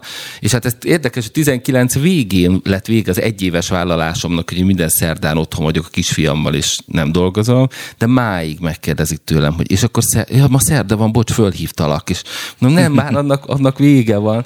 De Lehetett téged hívni közben, hogy hogy tanácsokat adj, vagy, vagy, hát. ja, vagy, vagy, az, vagy, vagy pont az volt, hogy azért nem lehetett hívni, mert erre készült, és ezt csináltad. az a helyzet, hogy hát lehetett volna, de hogy annyira akceptálta a környezetem azt, az ügyfeleim is, hogy szerdán nem dolgozom, hogy, hogy rászoktak. Ja, én azt hittem, hogy ennek már ez az apa idő projekthez volt köze, hogy, hogy szerdánként foglalkoztál vele, de akkor az tulajdonképpen a tapasztalatgyűjtés ideje volt. Igen, hát szerd, az úgy volt, hogy szerdán nem dolgoztam, és akkor este írtam valamit arról, mi volt szerdán, vagy mi jutott aznap eszembe, és kiraktam. És tudsz példát mondani, mert hogy, hogy az, amit elsőként megemlítettél elő az apa időről, hogy azt szeretnéd megosztani mással, amik a, a tévedéseid, vagy a, hogy, hogy is mondja, félreértéseid voltak, vagy azok a dolgok, amikről feltételeztél valamit, aztán mégse, mégse az jött be. Mondj kérlek, oszd meg velük egy-kettő ilyet. Nagyon szívesen, rengeteg ilyen volt. Tehát amit gyakran elmesélek, mert nekem nagyon fontos volt például, hogy úgy voltam tehát nagyon büszke voltam magamra, reggel van, szerda van, csináljuk a kis programunkat, tavasz van, megyünk a játszótérre. Elmentünk a játszótérre, a kisfiam ott homokozik, építi a kis homokvárát, meg homoksütit készít nekem, stb. És az, azt vettem észre, hogy 10 perce ott ülök, és fogalmam sincs, hogy mit csinál. Tehát nem, nem, nem láttam semmit, mert hogy a projekteket pörgettem a fejemben, abszolút nem voltam jelen ott, a jelenben, abszolút nem voltam ott. És akkor rádöbbentem, hogy hát ennek így semmi értelme nincsen. Úgyhogy elkezdtem tanítani magamat ott lenni, nem a munkára gondolni, nem másra Ugye, gondolni. hogy mennyi koncentrációt igényel, hogy mert az ember elkalandozik a telefonjába, a dolgaiba, a jegyzetei, vagy egyszerűen csak elgondolkodik azon, hogy mi a következő feladata. Még aznap, ami lehet egy bevásárlás, vagy lehet egy komoly munka, vagy, vagy holnap, vagy jövő héten. Így van, így van. Tehát nagyon nehéz uh, ott lenni a jelenben, és a gyerek erre is tanít. Mert ha nincs fontosabb dolog az életben, mint hogy a gyerekeddel legyél, és, és abból töltekez, és neki adjál, és továbbadj, és stb. stb., akkor igenis megérdemli ez a helyzet. A gyerek is persze, de maga a helyzet is, és te is megérdemled saját magadtól, hogy ott tudjál lenni. Egyébként ez ugye az élet minden területeire igaz, hiszen a Csíkszent Mihály Mihály ezért vagy erről írja a flót, és, és ezért emlegetjük, hogy sokan nem tudják mi az, de hogy a flóban lenni, ez Igen. tulajdonképpen ez az, hogy a jelenben lenni, a cselekvésben ott lenni benne. És ez, ez már önmagában egy óriási élmény. Milyen érdekes, hogy amit mondasz, hogy nekem ez egy visszatérő, kevés ilyen visszatérő tanításom van, mint ez, amit most mondasz. Dunai Tamás színész tanácsolta ezt egyszer nekem még 1993-ban, tehát lassan 30 évvel ezelőtt, pont egy, a zenekarommal, aki mit tud elő, vagy közép döntőben játszottunk, ő pedig a zsűrinek a tagja volt, és előtte, utána valamilyen szünetben beszélt erről, hogy, hogy azóta van egyensúlyban az élete amióta megéli a pillanatot, és ott van. És én emlékszem, hogy annyira pörgős ember voltam, nyilván te is az vagy, hiszen, hiszen látom rajta, nyilván nem véletlenül foglalkozom, mint az opera énekléstől kezdve a kocskodáson át, hogy, hogy egyáltalán a, a szülőségről e, indíts egy valamilyen fórumot, és megozd a tapasztalataidat, tehát gondolom neked is mindenem pörög az agyad, de hogy erre tényleg oda kell figyelni, hogy, hogy ne a jövőben éljünk, vagy éppen ne a múltan rágódjunk, hanem ezt a pillanatot, amiben most vagyunk, éppen éljük meg, és ne a papíromat olvasgassam közben, hanem arra figyeljek, hogy te mit mondasz. Nekem például az apaságról. De te azért kócs maradsz apaként is, nem? Tehát nem, nem, nem érzed néha magadon azt, hogy a gyerekedet is kócsként neveled? Az a tudatosság, ami a coachinghoz kell, és ami az az önismeret, ami a a, egy kócsot kócsá tesz, vagy szóval, hogy mondhatom, hogy nagyját tesz, de hogy jó szakemberi tesz, az nagyon jelen van. És amikor idefelé jöttem, gondolkodtam, hogyha valami ilyesmit fogsz kérdezni, én mit fogok erre válaszolni.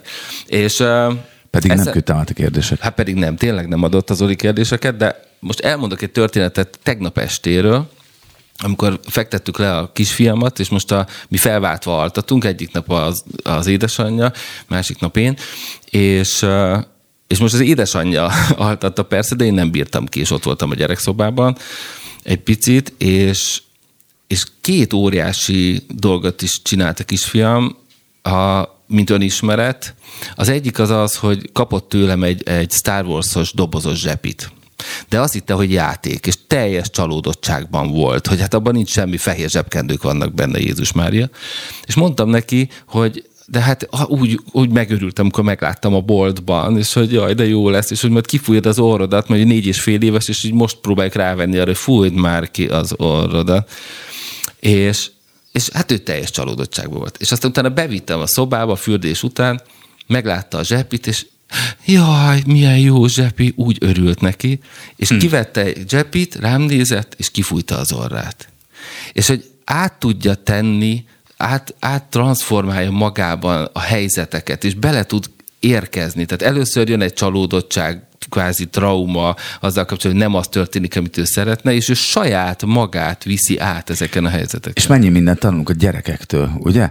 Hogy, hogy nézzétek el nekem, de így hadgyerek birtokában egészen jó meg tudom állapítani egy, egy amúgy intelligens felnőtt emberről, akivel beszélgetek, hogy van egy gyereke vagy nincs, és nem azért, mert megkérdezem, hanem ad valami olyan emberismeretet, pont olyan tapasztalatokon keresztül, vagy ilyen tapasztalatok százain vagy ezerin keresztül, amit most osztottál meg, hogy látod, hogy hogyan alakul egy emberi lélek, hogyan, tud, hogyan tudja áttransformálni azt a csalódottságot akár örömmé, hogyan, hogyan születik ez meg benne, és ilyen dolgoknak a tanulja vagy, az emberi lélek kialakulásának és fejlődésének a tanulja vagy, és olyan emberismeretet ad, ami semmi mással nem helyettesíthető. Nem helyettesíthető diplomákkal. De emlékszem, hogy volt egy bejáró nénink, aki aki talán még a nyolc általános se végezte el, de volt, azt hiszem négy gyereke volt, akit egyedül nevelt ő. Aztán. És esküszöm, hogy, hogy az egyik legbölcsebb ember volt, ember volt, akit vala ismertem. Tehát annyira ismert az emberi lelket, hogy kihez hogy szabad, hogy érdemes szólni, és egy tündéri ember volt, ennek már több mint tíz éve, hogy, hogy aztán elköltöztek innen, és azért nem tartjuk a kapcsolatot, de hogy, de hogy nagyon érdekes tanulság volt. Ez is nekem. És ha már itt tartunk, hogy kócskodás, de, de mondja, mondd, hogy ez még mondaná hát csak, csak annyit szerettem volna mondani, hogy, hogy ebben ugye az a nagyon izgalmas a tudatos szülőségben, vagy a modern apaságban, amiről én is beszélek, tartok előadásokat, vagy amiről az Apaidő podcast is szól, hogy, hogy egyszerre vagy jelen az egyik legdominánsabb érzelmi viszonyodban, kapcsolódásodban, és tudatosan.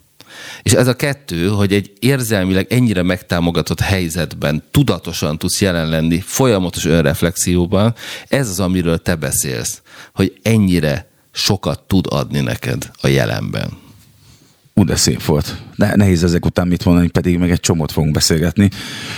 A Krista, mikor Mesélt arról, hogy milyen volt az első kisgyereke születése után, hogy mennyire tele voltak bizonytalansága, és a férje, aki szintén színész a Cserna Tóni, hogy ő meg aztán mi így lekövette, meg leutánozta a Krisztát, mert ő meg, ha lehet, még tehetetlenebb volt első gyerek és gyerekes apukaként, és mondta a Kriszta nekem, hogy de hát nem, nincs ilyen, hogy szülőképzés.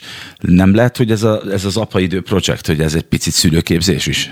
De jó, hogy megkérdezted. Jöttem az autóval, megálltam a piros lámpánál, és éppen ezt hallgatom, és mondtam, oké, okay, erre majd térjünk vissza. Olyan szempontból van, hogy nagyon sok olyan témáról beszélgetünk ma is, és egyébként mondjuk ebben a projektben is, amiről azelőtt senki nem beszélt. És én ezt nagyon szeretem kihangsúlyozni, hogy tegyük ki az asztalra, hogy a mi tudatosságunk, a mi témáink, amikről mi beszélgetünk most is, és egyébként a, a sörrel a kezünkben nyáron a strandon, azok egész más témák, és én hát elnézést minden generációé, de azt hiszem, hogy tudatosságban egész más szinten van, mint az előző generációknak, az ilyen típusú tudatossága. Tehát, és ez egy nagyon fontos adottság. Csináljunk már szülőképzést, de most tök komolyan. Nekem van már hat gyerekem. Annyi minden megosztani valóm van, de még, még csak azt sem mondom, hogy lustaságból nem foglaltam ezeket össze, de nem, nem hogy egy ilyen két órás műsort ki tudnék vele tölteni, hanem heteket hónapokat tudnék arról mesélni, akár csak egy-egy konkrét részkérdéssel kapcsolatban is, hogy mik a tapasztalataim, és hogy alakultak ezek, amikor egy gyerekem volt, kettő-három, illetve már a, a sokadiknál, hogy mi az, amit elenged az ember, mi az, amit tényleg muszáj kontrollálni. És Csinálunk erre projekttervet, de az Apaidő podcastban meghívlak, és akkor nagyon, beszélhetsz róla. Nagyon szívesen, nagyon, na, nagyon megköszönöm, és, és egyrészt alig várom. Te egyébként ahhoz képest, hogy hogy láthatóan fűr, fürödsz, vagy fürdesz ebben a szerepkörben, mert hogy annyira ö, magadénak érzed, és annyira önazonosnak érzed, egészen későn lettél apuka. Igen, igen, 40 évesen lettem apa. Hát ez egy vállás, és egy csomó minden kalandos... Ja, tehát már ezt megelőzően volt egy házasság. Igen, volt egy, hát egy rövid, egy rövid házas. Ez a tipikus, ez az egyetem és egyetem után, és aztán utána az ember változik. Egyrészt, másrészt pedig áttételesen apuka lettem, mert hogy nekünk mozaik családunk van, és a feleségemnek van két gyönyörű lánya, akik kettő és hat évesek voltak, amikor összeköltöztünk és megismertük egymást. Úgyhogy, úgyhogy én először lettem mozaik apuka, és utána lettem elemi család, vagy nukleáris család apuka. Akkor nem hirtelen a semmiből kerültél a mély vízbe. Egyébként beszéljünk egy picit arról is, hogy házastársként hogy tudja elfogadni az ember azt, hogy, hogy a másik félnek mástól vannak gyerekei. Ugye ez a, hát a, nagyon csúnyán hangzik, hogy, hogy mostohaság, de ugye erről van szó, de ennek egyáltalán nem csak negatív oldala létezik. Kíváncsi vagyok a te tapasztalataidra ezzel a kérdéssel kapcsolatban, aztán egy rövid tapasztalatomat én is megosztom erről. Én sokáig nagyon lelkes voltam azzal kapcsolatban, hogy, eh, hogy a mozaik család mennyire fontos, és még mindig az vagyok, de, de amikor én édesapa lettem, akkor valami nagyon megváltozott bennem, mert eh, egészen más saját gyermeket nevelni és hozzá kapcsolódni érzelmileg, mint a feleséget férjed gyerekeihez. És ott kezdődik a, a tudatosság ebben, legalábbis nálam eh, mindenképpen, hogy ezt, ezzel szembenézel és felismered hogy nem ugyanazok a gombok nyomódnak be, amikor mosolyog, amikor kedves, amikor dühös a gyerek, amikor hisztizik, egész más reakciókat ad az emberre. És hogyha hogyha úgy lett volna, hogy te már korábban apuka lettél volna, amit gondolsz, ez akkor is így, így van. Tehát, hogyha amúgy lett volna már egy saját gyereked, és úgy annak a birtokában csöppensz egy olyan helyzetbe, Érted, mire gondolok? Tehát, hogy, hogy te is úgy jössz ebbe a kapcsolatba, hogy már neked is van gyereked, és úgy születik egy közös gyereketek, nagyon és jó. a párodnak is. Igen, nagyon jó a kérdés. Én azt hiszem, hogy, hogy nem, sokkal, sokkal jobb mozaik apuka lettem volna. Megmondom, miért kérdezem, mert az én tapasztalataim ezzel kapcsolatban, én nagyon sokat gond, én nagyon sokáig Nyilván erről nem beszél az ember, mert nem egy erényes dolog, meg önmagának is nehezen vallja be ezt az ember, de én azt gondoltam, hogy ami, aki nem az én vér szerinti gyerekem, én biztos, hogy nem fogom tudni annyira szeretni, vagy nem tudnám annyira szeretni. Nem volt még ilyen helyzet az életemben, hogy a páromnak lett volna, az aktuális páromnak mástól gyereke. Olyan helyzetben viszont voltam, hogy egy baráti házaspár, akiknek nem lett egy gyerekük, és örökbe fogadta két kislányt. És az egyik egy afroamerikai kislány volt, egy amerikai házaspár barátról van szó, és éppen hat hetes volt. Tehát nagyon, nagyon kicsi csecsemő volt a kislány, amikor hozzájuk került, és mi pont akkor voltunk náluk látogatóban. És elment az én feleségem, és ők, a másik apuka, illetve anyuka elmentek vásárolni, de valami két-három órára. És mivel én voltam a leggyakorlottabb szülő, rám hagyták a kisbabát, hogy maradjak ott vele. És abban a pár órában, amíg én gondoskodtam arról a, a, az ártatlan, gyámoltalan, gyönyörűséges kis teremtésről, megvilágosodtam, hogy, hogy pontosan ugyanúgy tudom szeretni, és ugyanúgy tudok róla gondoskodni, hogyha én nevelném föl, mint hogyha az a saját vér szerinti gyerekem lett volna. Úgyhogy én arra biztatok mindenkit, hogyha egy, egy esetleg nem lett gyereke, akkor egy pillanatig ne havozzon, és próbálja meg máshogy megoldani.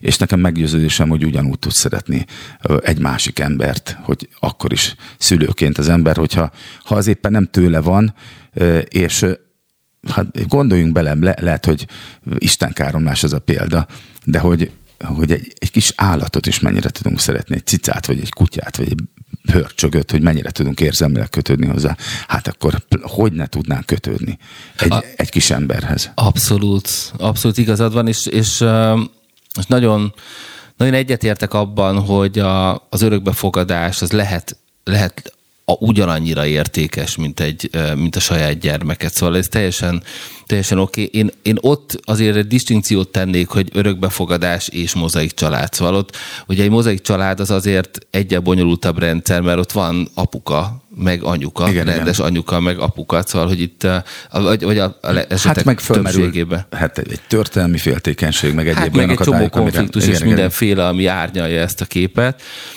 Viszont azt kiemelném a mozaik családdal kapcsolatban még, hogy, hogy azok a pillanatok, amiket te átéltél például ezzel a teljesen idegen kisbabával, hogy ezt egy mozaik szülő is át tudja élni. És én is átélem. Annyira boldog tudok lenni. Most például az egyik tíz éves lány, de tíz éves lányt vittem az operaházba balett felvételire. Úgy jött ki a lépés, hogy én vittem el hát azt a büszkeséget és boldogságot, amit én éreztem, amikor néztem, ahogy bent az Operaház balettermében csinálja a harmadik pozíciót, hát, hát komolyan, komolyan mondom, tehát azért a saját gyerekemnek nem örültem volna ennyire. Teljesen elérzékenyültem, hogy beszélsz erről. De tényleg.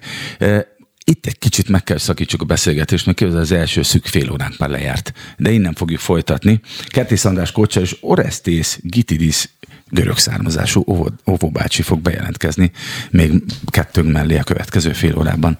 Maradjatok a beszólóval. Beszóló Interaktív kibeszélő show a Spirit fm minden hétköznap délután 3-tól. Várjuk hívásaikat a 0630 116 38 44-es nem emel díjas telefonszámon. A mikrofonnál Cutor Zoltán.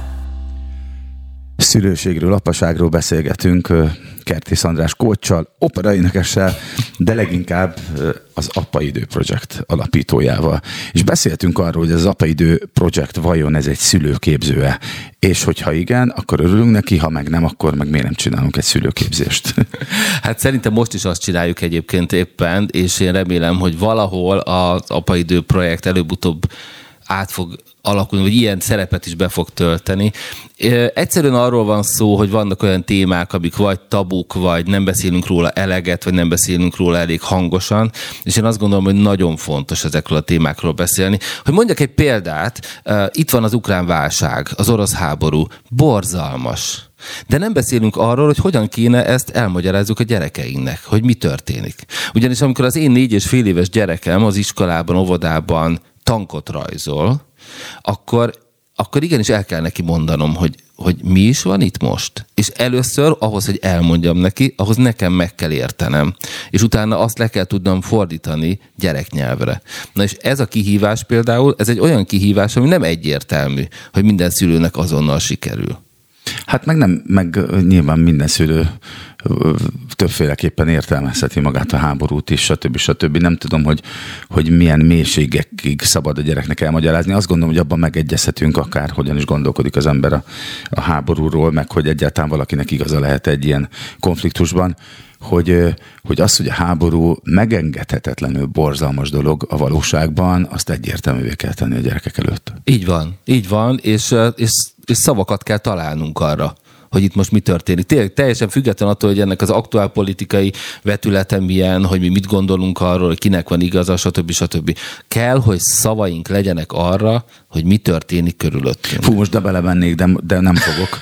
Csak annyira itt zakatol a fejembe, hogy meg kell veled és a hallgatókkal, hogy én annyira belemennék abba, hogy, hogy mondjuk egy, egy coach mit javasolna, hogy hogyan beszéljük meg gyerekekkel azt az elképesztő kampányt, ami folyt még a választások előtt ilyen LMBTQ, meg melegség ügyben, illetve, illetve ez ellen, tehát, vagy meg a nem váltó műtétek a kapcsolatban egészen konkrétan, hogy, hogy egyáltalán szabad egy gyerekek elé ezt a témát így erő, ilyen erőszakosan és ilyen töménységbe betolni, de én most be is zárom ezt a zárójelet, de ez is egy olyan aktualitás, mint a háború, amiről egyébként meg valószínűleg, hát mindig, amit dob a gép, ami történik, hát az a, ott a gyerekekkel ezekről, ezekről muszáj beszélni.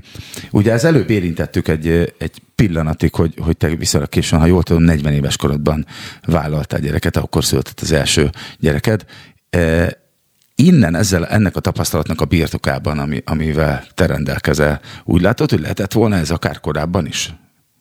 Lehetett volna, de én a saját történetem szempontjából nagyon nagy szerencsének tartom, hogy 40 évesen lettem apa. Szóval, hogy az... Ez felkészültebb voltál? Hát az, tehát persze, nagyon, nagyon. Sokkal, sokkal felkészültebb és tudatosabb voltam. Tehát, hogy az, ami, amit én átéltem, amit én átélhettem apaként, ott a jelenben, a pillanatokban, a fókuszban, a, az, hogy a, a prioritási listámon hova helyeztem az apaságomat, hogy, hogy nagyon sokat lehet hallani, egy nagyon egyszerű példa, sokat lehet hallani arról, hogy, hogy mikor válik egy férfi apává. És azt szokták mondani, hogy hát olyan két éves kora környékén, amikor lehet vele játszani, ugye? Meg amikor az első pisztolyt a kezébe veszi, és, és Mármint a, gyere, a gyerek, a gyerek, a gyerek és igen, akkor puf, puf, puf, akkor az apukák bekapcsolódnak. Hát addig csak böfizik, meg, meg pisil, kakil, pelenkázni, stb. Na most az én apaságom az az olyan hát hamarabb, mint a 12. hét terhességgel kezdődött, és már, már beszélgettem vele, már készültem, már olvastam a könyveket. Hát én majd meg őrültem, mert menjünk végre a, a nőgyógyászhoz a három hetes, mert akkor lehet hogy láthatom a gyerek. Hát láthatom a gyerekemet. Hát De úgy gondolod, hogyha ez mondjuk ugyanez megtörténik tíz évvel korábban, hogy akkor, akkor nem ilyen lettél volna, vagy lehet, hogy nem ilyen lettél volna? Nem ennyire tudatos, és mm. nem ennyire, uh, ennyire hogyha koncentráltan éltem volna ezt meg.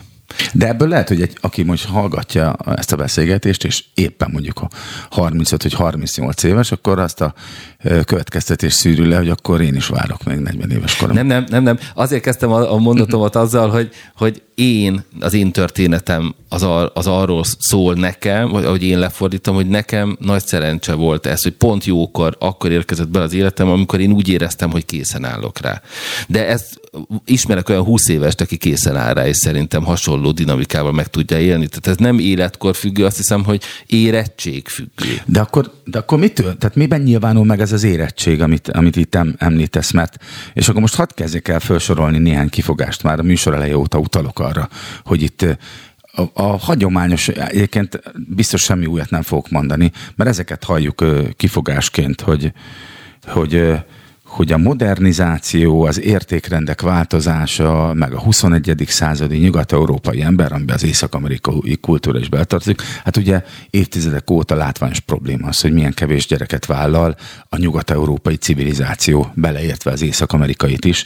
Tehát nyilván ez a gyakorlatilag a világ kultúráját és gazdaságát alapvetően meghatározó motor, és ez az iránymutató, ez a fákja. Azért nem szerencsés annyira ez a tendencia, hogy ilyen kevés a gyerek. Akkor az utóbbi években bejött nagyon harsány szempontként a klímavédelem, hogy ne legyen több ember a Földön, akinek ökológiai lábnyoma van ugye talán a legrégebbi motívum, ami, ami megakasztja a gyerekvállalást, a női egyenjogúsági törekvések, és a női egyenjogúsági törekvésekben benne van, hogy na nehogy már majd én vállaljam azt az áldozatot. Ha a férfi nem vállalja, akkor nekem se kötelességem vállalni. Én nekem ugyanolyan fontos a karrierem, akkor van ez a kifogás, hogy anyagi háttér, ugye, hogy, hogy miközben ugye a 21. századi ember a vala a legjobb körülmények között és legnagyobb biztonságban élő ember, és hogyha belegondolunk a bármikori bennünket megelőző generáció, hogy micsoda nyomorba születtek sok gyerekek, vagy milyen bizonytalanságba, vagy micsoda háborús körülmények közé, van, vannak olyan kifogások is, amik, amik talán életszerűbbek vagy elfogadhatóbbak, tehát mondjuk a perspektíva hiány.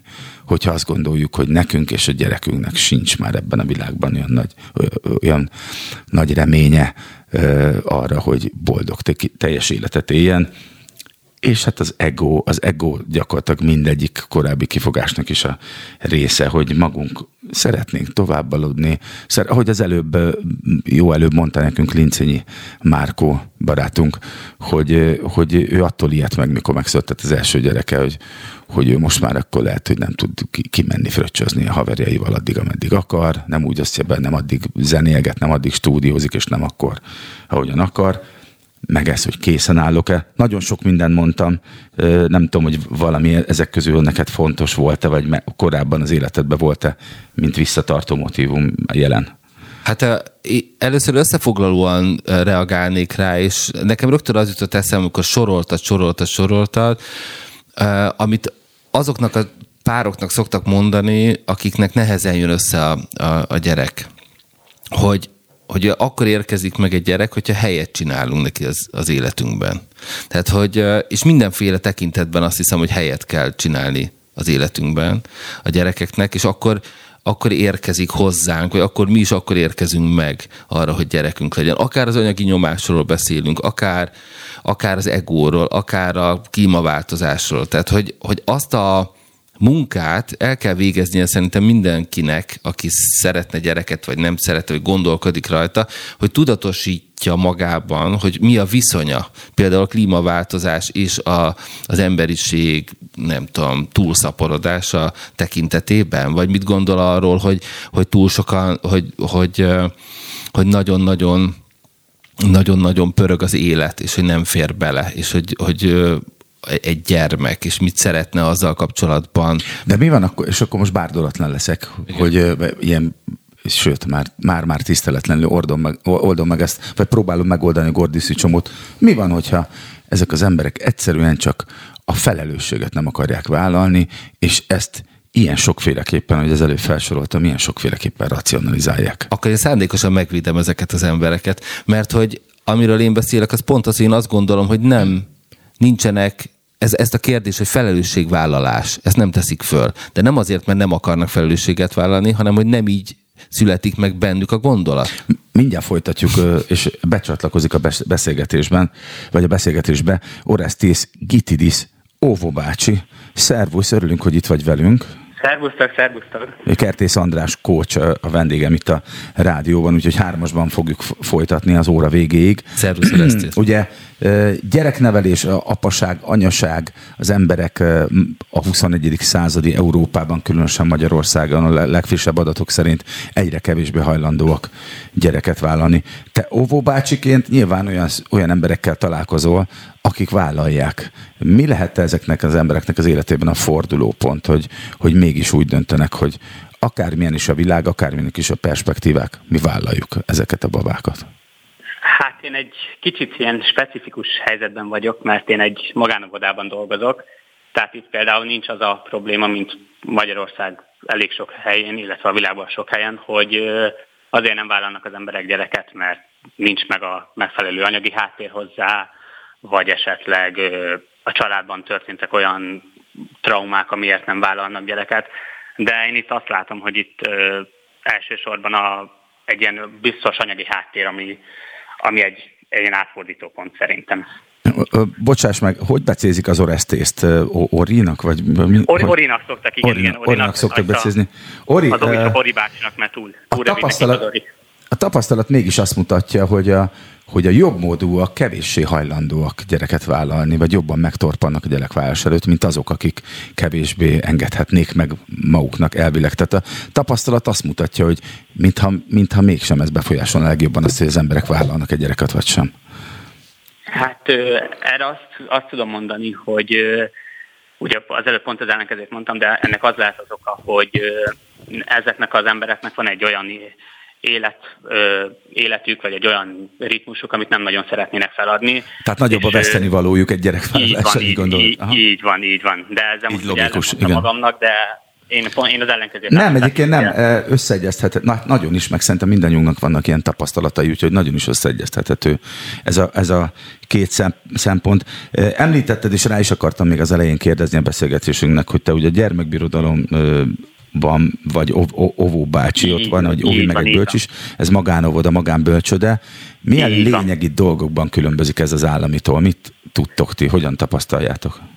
Hát a, a legfontosabb dolgok azok olyanok, hogy egy állami óvodában most már gyakran 25-30 gyerek is van egy csoportban, nálunk ez maximum 15. Nálunk tudunk biztosítani mindenkinek különleges eszközöket, most itt a legalapvetőbb dolgokra is gondolok, hogy állami gyakran gondolkozni kell, hogy most megcsináljanak egy projektet, mert nincs elég festék. Nálunk meg ilyen, ilyen problémák igazából nincsenek. Ö, több a terünk, tehát többfelé tudunk menni, mozogni. Ugye ez annak is köszönhető, hogy kicsi az csoportlétszám, több pedagógus van, tehát itt a... Tehát több figyelmet és élményt kapnak, gondolom így van, Így van, így hát igen, van. Ez, ez körülbelül így is vár, várható. Hogy, hogy látod, tudom, hogy te nagyon fiatal óvóbácsi vagy, talán még emlékszel arra, hogy milyen volt neked gyereknek, akár kisiskolásként, vagy óvodásként, hogy, hogy szerinted egy mai gyereknek, illetve szülőként egy mai gyerekkel nehezebb lehet, mint 20 vagy 40 évvel ezelőtt? Nem biztos, hogy az a jó, hogy nehezebb. Én azt mondanám, hogy teljesen más mostani világ, mint mondjuk már amikor én voltam gyerekek 20 évvel ezelőtt. Ö, teljesen másfajta problémákat kell megoldani, teljesen másfajta veszélyeknek vannak kitéve a gyerekek.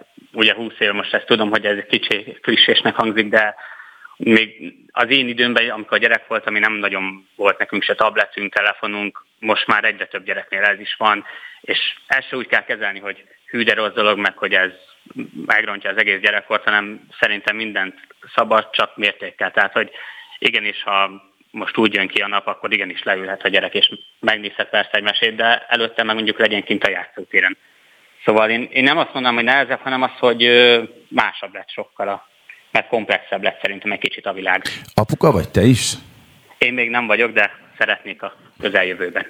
Na igen, igen nagyon, nagyon kíváncsi lennék azokra az élményeidre, hogy amikor apává válsz, mint hogy az, itt Kerti Szantis is megosztja velünk, hogy, hogy mit érzett, hogyan gondolkodott, mielőtt még született eh, neki gyermeke, és hogy utána hogyan változott meg, és hogyan futott bele abba, hogy, hogy bizonyos dolgokról nem tehát rosszul spekulált, mint ahogy egyébként erre, ebben nyilván mindannyian normális esetben belefutunk, és, és le is vonjuk ezt a következtetést akkor, hogyha nem hazudunk magunknak. Hogy látod, hogy mennyire viselte meg ez a két éves Covid időszaka az ovisokat, a szülő-gyerek kapcsolatot? Meg az a egymással való kapcsolatokat? Nem is annyira, de az egymással való kapcsolatot azt szerintem azt nagyon lehet érezni a, a Covid előtti időszakban, meg a Covid után, és ezt hát több óvodában is kapcsolatban vagyunk, és ezt több helyről is kaptam már ilyen visszajelzést, hogy sokkal feszültebbek lettek a gyerekek, kicsit szétszórtabbak lettek. Most ennek nyilván sok oka lehet, hogy otthon kevesebb szabály volt, nem úgy volt tőle elvárva, de hogy látvány, nagyon látványos ez a covidos időszak, őszinte leszek, tehát hogy nem is az előző kérdésre visszautalva, inkább azt mondom, hogy ez a, a Covid ez nagyon megnehezítette a pedagógusok és a szülők dolgát is, uh-huh. tehát ez mint mondjuk a 20 évvel ezelőtt. Inkább én ezt emelném ki ilyen én is úgy gondolom, hogy, hogy nem csak a mi generációnkban, hanem bennünket megelőző egy-két generációban sem volt ilyen típusú kihívás, de Kertész Andis már régóta hozzá szeretne szólni, úgyhogy megadom neki a szót. Jaj, köszönöm szépen, elnök úr. A, az a azt szerettem volna mondani, hogy nagyon érdekes volt ez a társas kapcsolatok hiánya, amikor mi az apa időben készítettünk egy kutatást azzal kapcsolatban, hogy miben látják a szülők a legnehezebb, mi a legnehezebb helyzet nekik a Covid alatt és után, főleg alatt és a karantén helyzetekben, akkor, a, akkor magasan minden statisztika fölött a gyerekek társas kapcsolatának a hiánya volt. Mert hogy egyszerűen a gyerekek is annyira nehezen reagálták le azt, hogy nincsen, nincsen kapcsolat. Nincsen a gyereknek más. gyerek a barátja. Igen, igen.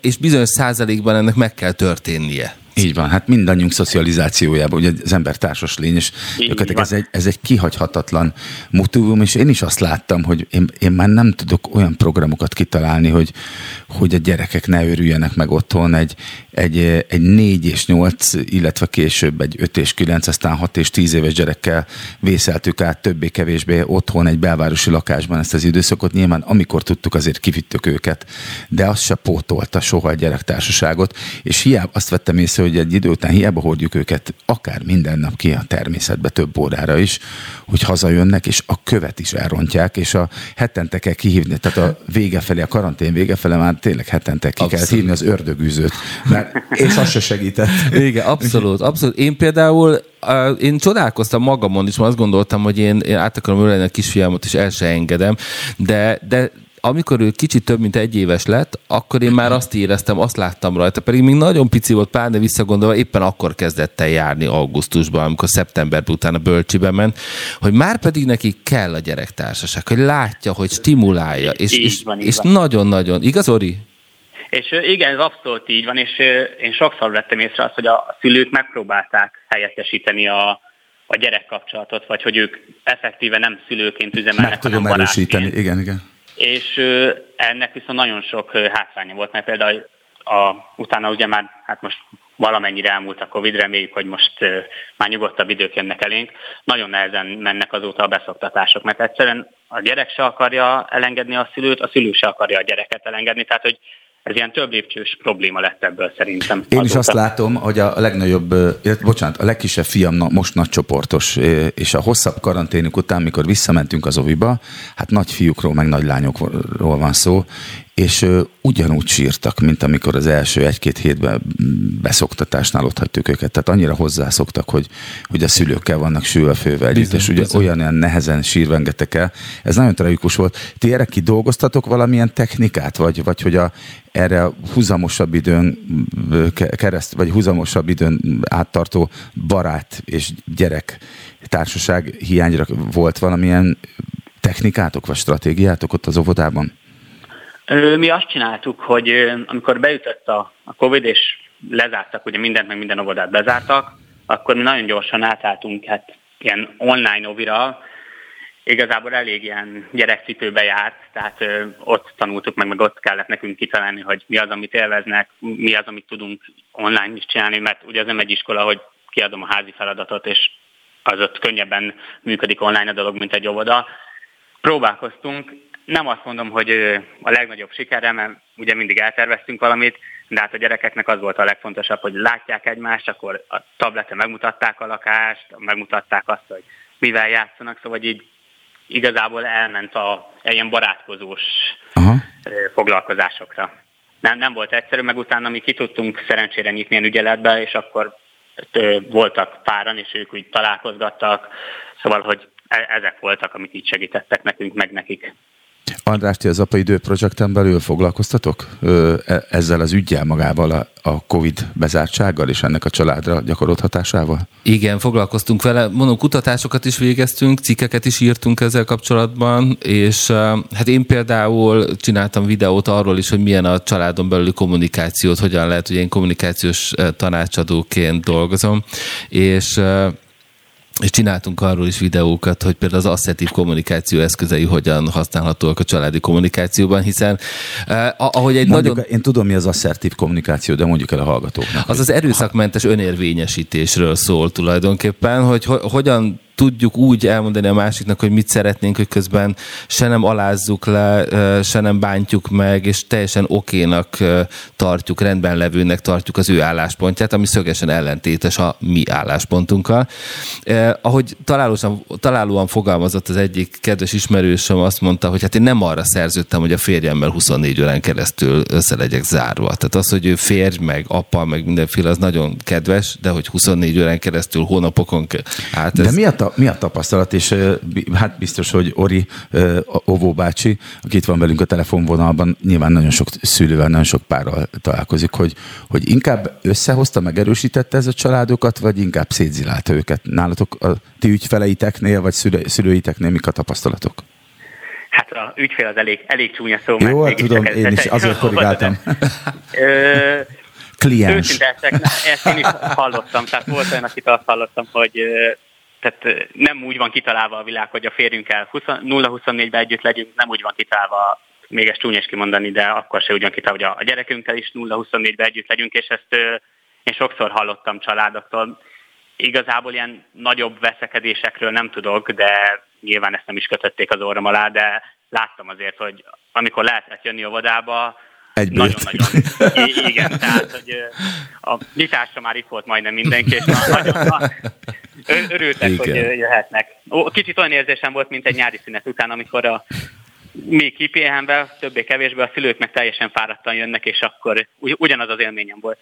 Megértem, de nekem képzeljétek el, hogy, és nem, nem akarom elvenni a, a, azt a néhány percet, hogy még hátra van a beszélgetésünkből, de hogy hadd osszam meg veletek, hogy, hogy nekünk a feleségemmel valami olyat, olyat okozott, hogy, hogy sokkal nehezebb azóta akár két-három órára is elválni egymástól, és ez inkább jó hozadék szerintem. Jaj, de mi, mi annyira tudunk hiányozni egymásnak, és előtt, előtte is persze, hogy nem volt kérdés, hogy szeretjük egymást, meg szeretünk együtt lenni, de akkor teljesen természetes volt, pláne nálam, hogy én elutazom egy-két napra, akár zenekar, vagy más ügyek kapcsán, vagy akár külföldre egy konferenciára, és akkor visszajövök három nap múlva, öt nap múlva, és valahogy ezt kibírtuk. Hát most a szívünk szakad meg. Hát ez a, ez a Covid ellentmondás egyébként, hogy, hogy nagyon sok pozitív és sok kihívás is volt benne. Nálunk például ez a biciklizésben jelentkezett, hogy én tizenvalány éves korom óta nem bicikliztem már, nem is szerettem nagyon biciklizni, és a család a Covid alatt szépen lassan visszaszokott. Mindenkinek vettünk biciklit, és családi program lett, hogy minden nap a család ment biciklizni, sétálni,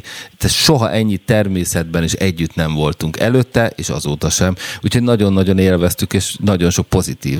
Igen, volt ebben nagyon sok ajándék is, de be, bevallom őszintén, hogy a mérleg az mégiscsak inkább az, ami, ami inkább ilyen ború, borús felleg volt a fejünk fölött. Még van egy másfél percünk körülbelül, vagy egy, vagy egy szűk két perc.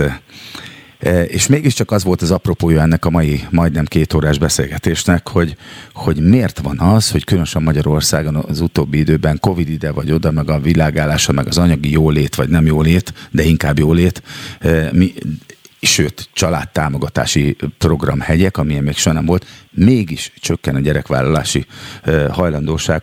Mit tudunk mondani azoknak, akik azt feltételezik és attól tartanak, hogyha gyereket vállalnak, akkor vége a normális életnek, vagy vége az élvezhető életnek. Mit lehet ezeknek az embereknek mondani? Egy mondatot. Akkor kezdődik. Nagyon köszönöm. Te hogy látod, Ori? Úgyhogy a, én, apuka én ugyan nem vagy... hogy én még nem vagyok apuka, de ugye nagyon sok gyerekkel vagyok, nagyon sok gyerekkel dolgozok. Én, én úgy gondolom, hogy rengeteg élményt lehet szerezni, meg újra lehet kicsit élni a gyerekkorát az embernek. Most nyilván nem kell ráöltetni a gyerekre, de hogy szerintem fantasztikus dolgokat lehet a gyerekekkel együtt csinálni, közösen alkotni, közösen túrázni, és ezek olyan élmények, amik a kapcsolatokat is megerősíti, a gyerek, apa, ha most ilyen téma, azt a viszont is meg tudja erősíteni, és a, gyerek születéssel többek leszünk, mert most én ezt ugye kicsit furán hangzik, én még nem vagyok apuka, de én, én azt látom, hogy többek lesznek az emberek egy kicsivel, hogy nekik van egy gyerekük. Nem tudok tiltakozni, András, még hozzáfűzhez egy Még egy gondolat szeretném, hogy ez elhangozzon a mai beszélgetésünkben, hogy, hogy modern férfiak nélkül nem lehetnek modern nők. Szóval... A, És ez mit jelent a gyakorlatban? Ez a gyakorlatban azt jelenti, hogy, hogy, ha, hogy van megoldás arra, van olyan életritmus, van olyan gondolkodásmód, tudunk olyan teret teremteni a saját életünkben és magunk körül, hogy igenis legyen helye a gyerekeknek. És ez nem kizáró, hanem hozzáadó dolog az életünkhöz. És hát az sem utolsó szempont, hogy nem baj azért, hogyha nyugdíjas korunkra nem maradunk egyedül. Bizony, bizony, bizony. És én ezzel a gondolattal köszönök el Kertész András Kóstól, aki itt van velünk a stúdióban, Orestész Gitidis Óvó bácsitól, aki a telefonvonalon van velünk, és Toróniki kolléganőm nevében is búcsúzom a Spirit FM hallgatóktól, akik remélhetőleg a rádió, rádiót hallgatják tovább, de a beszólónak vége van. Cutor Zoltán voltam. Sziasztok!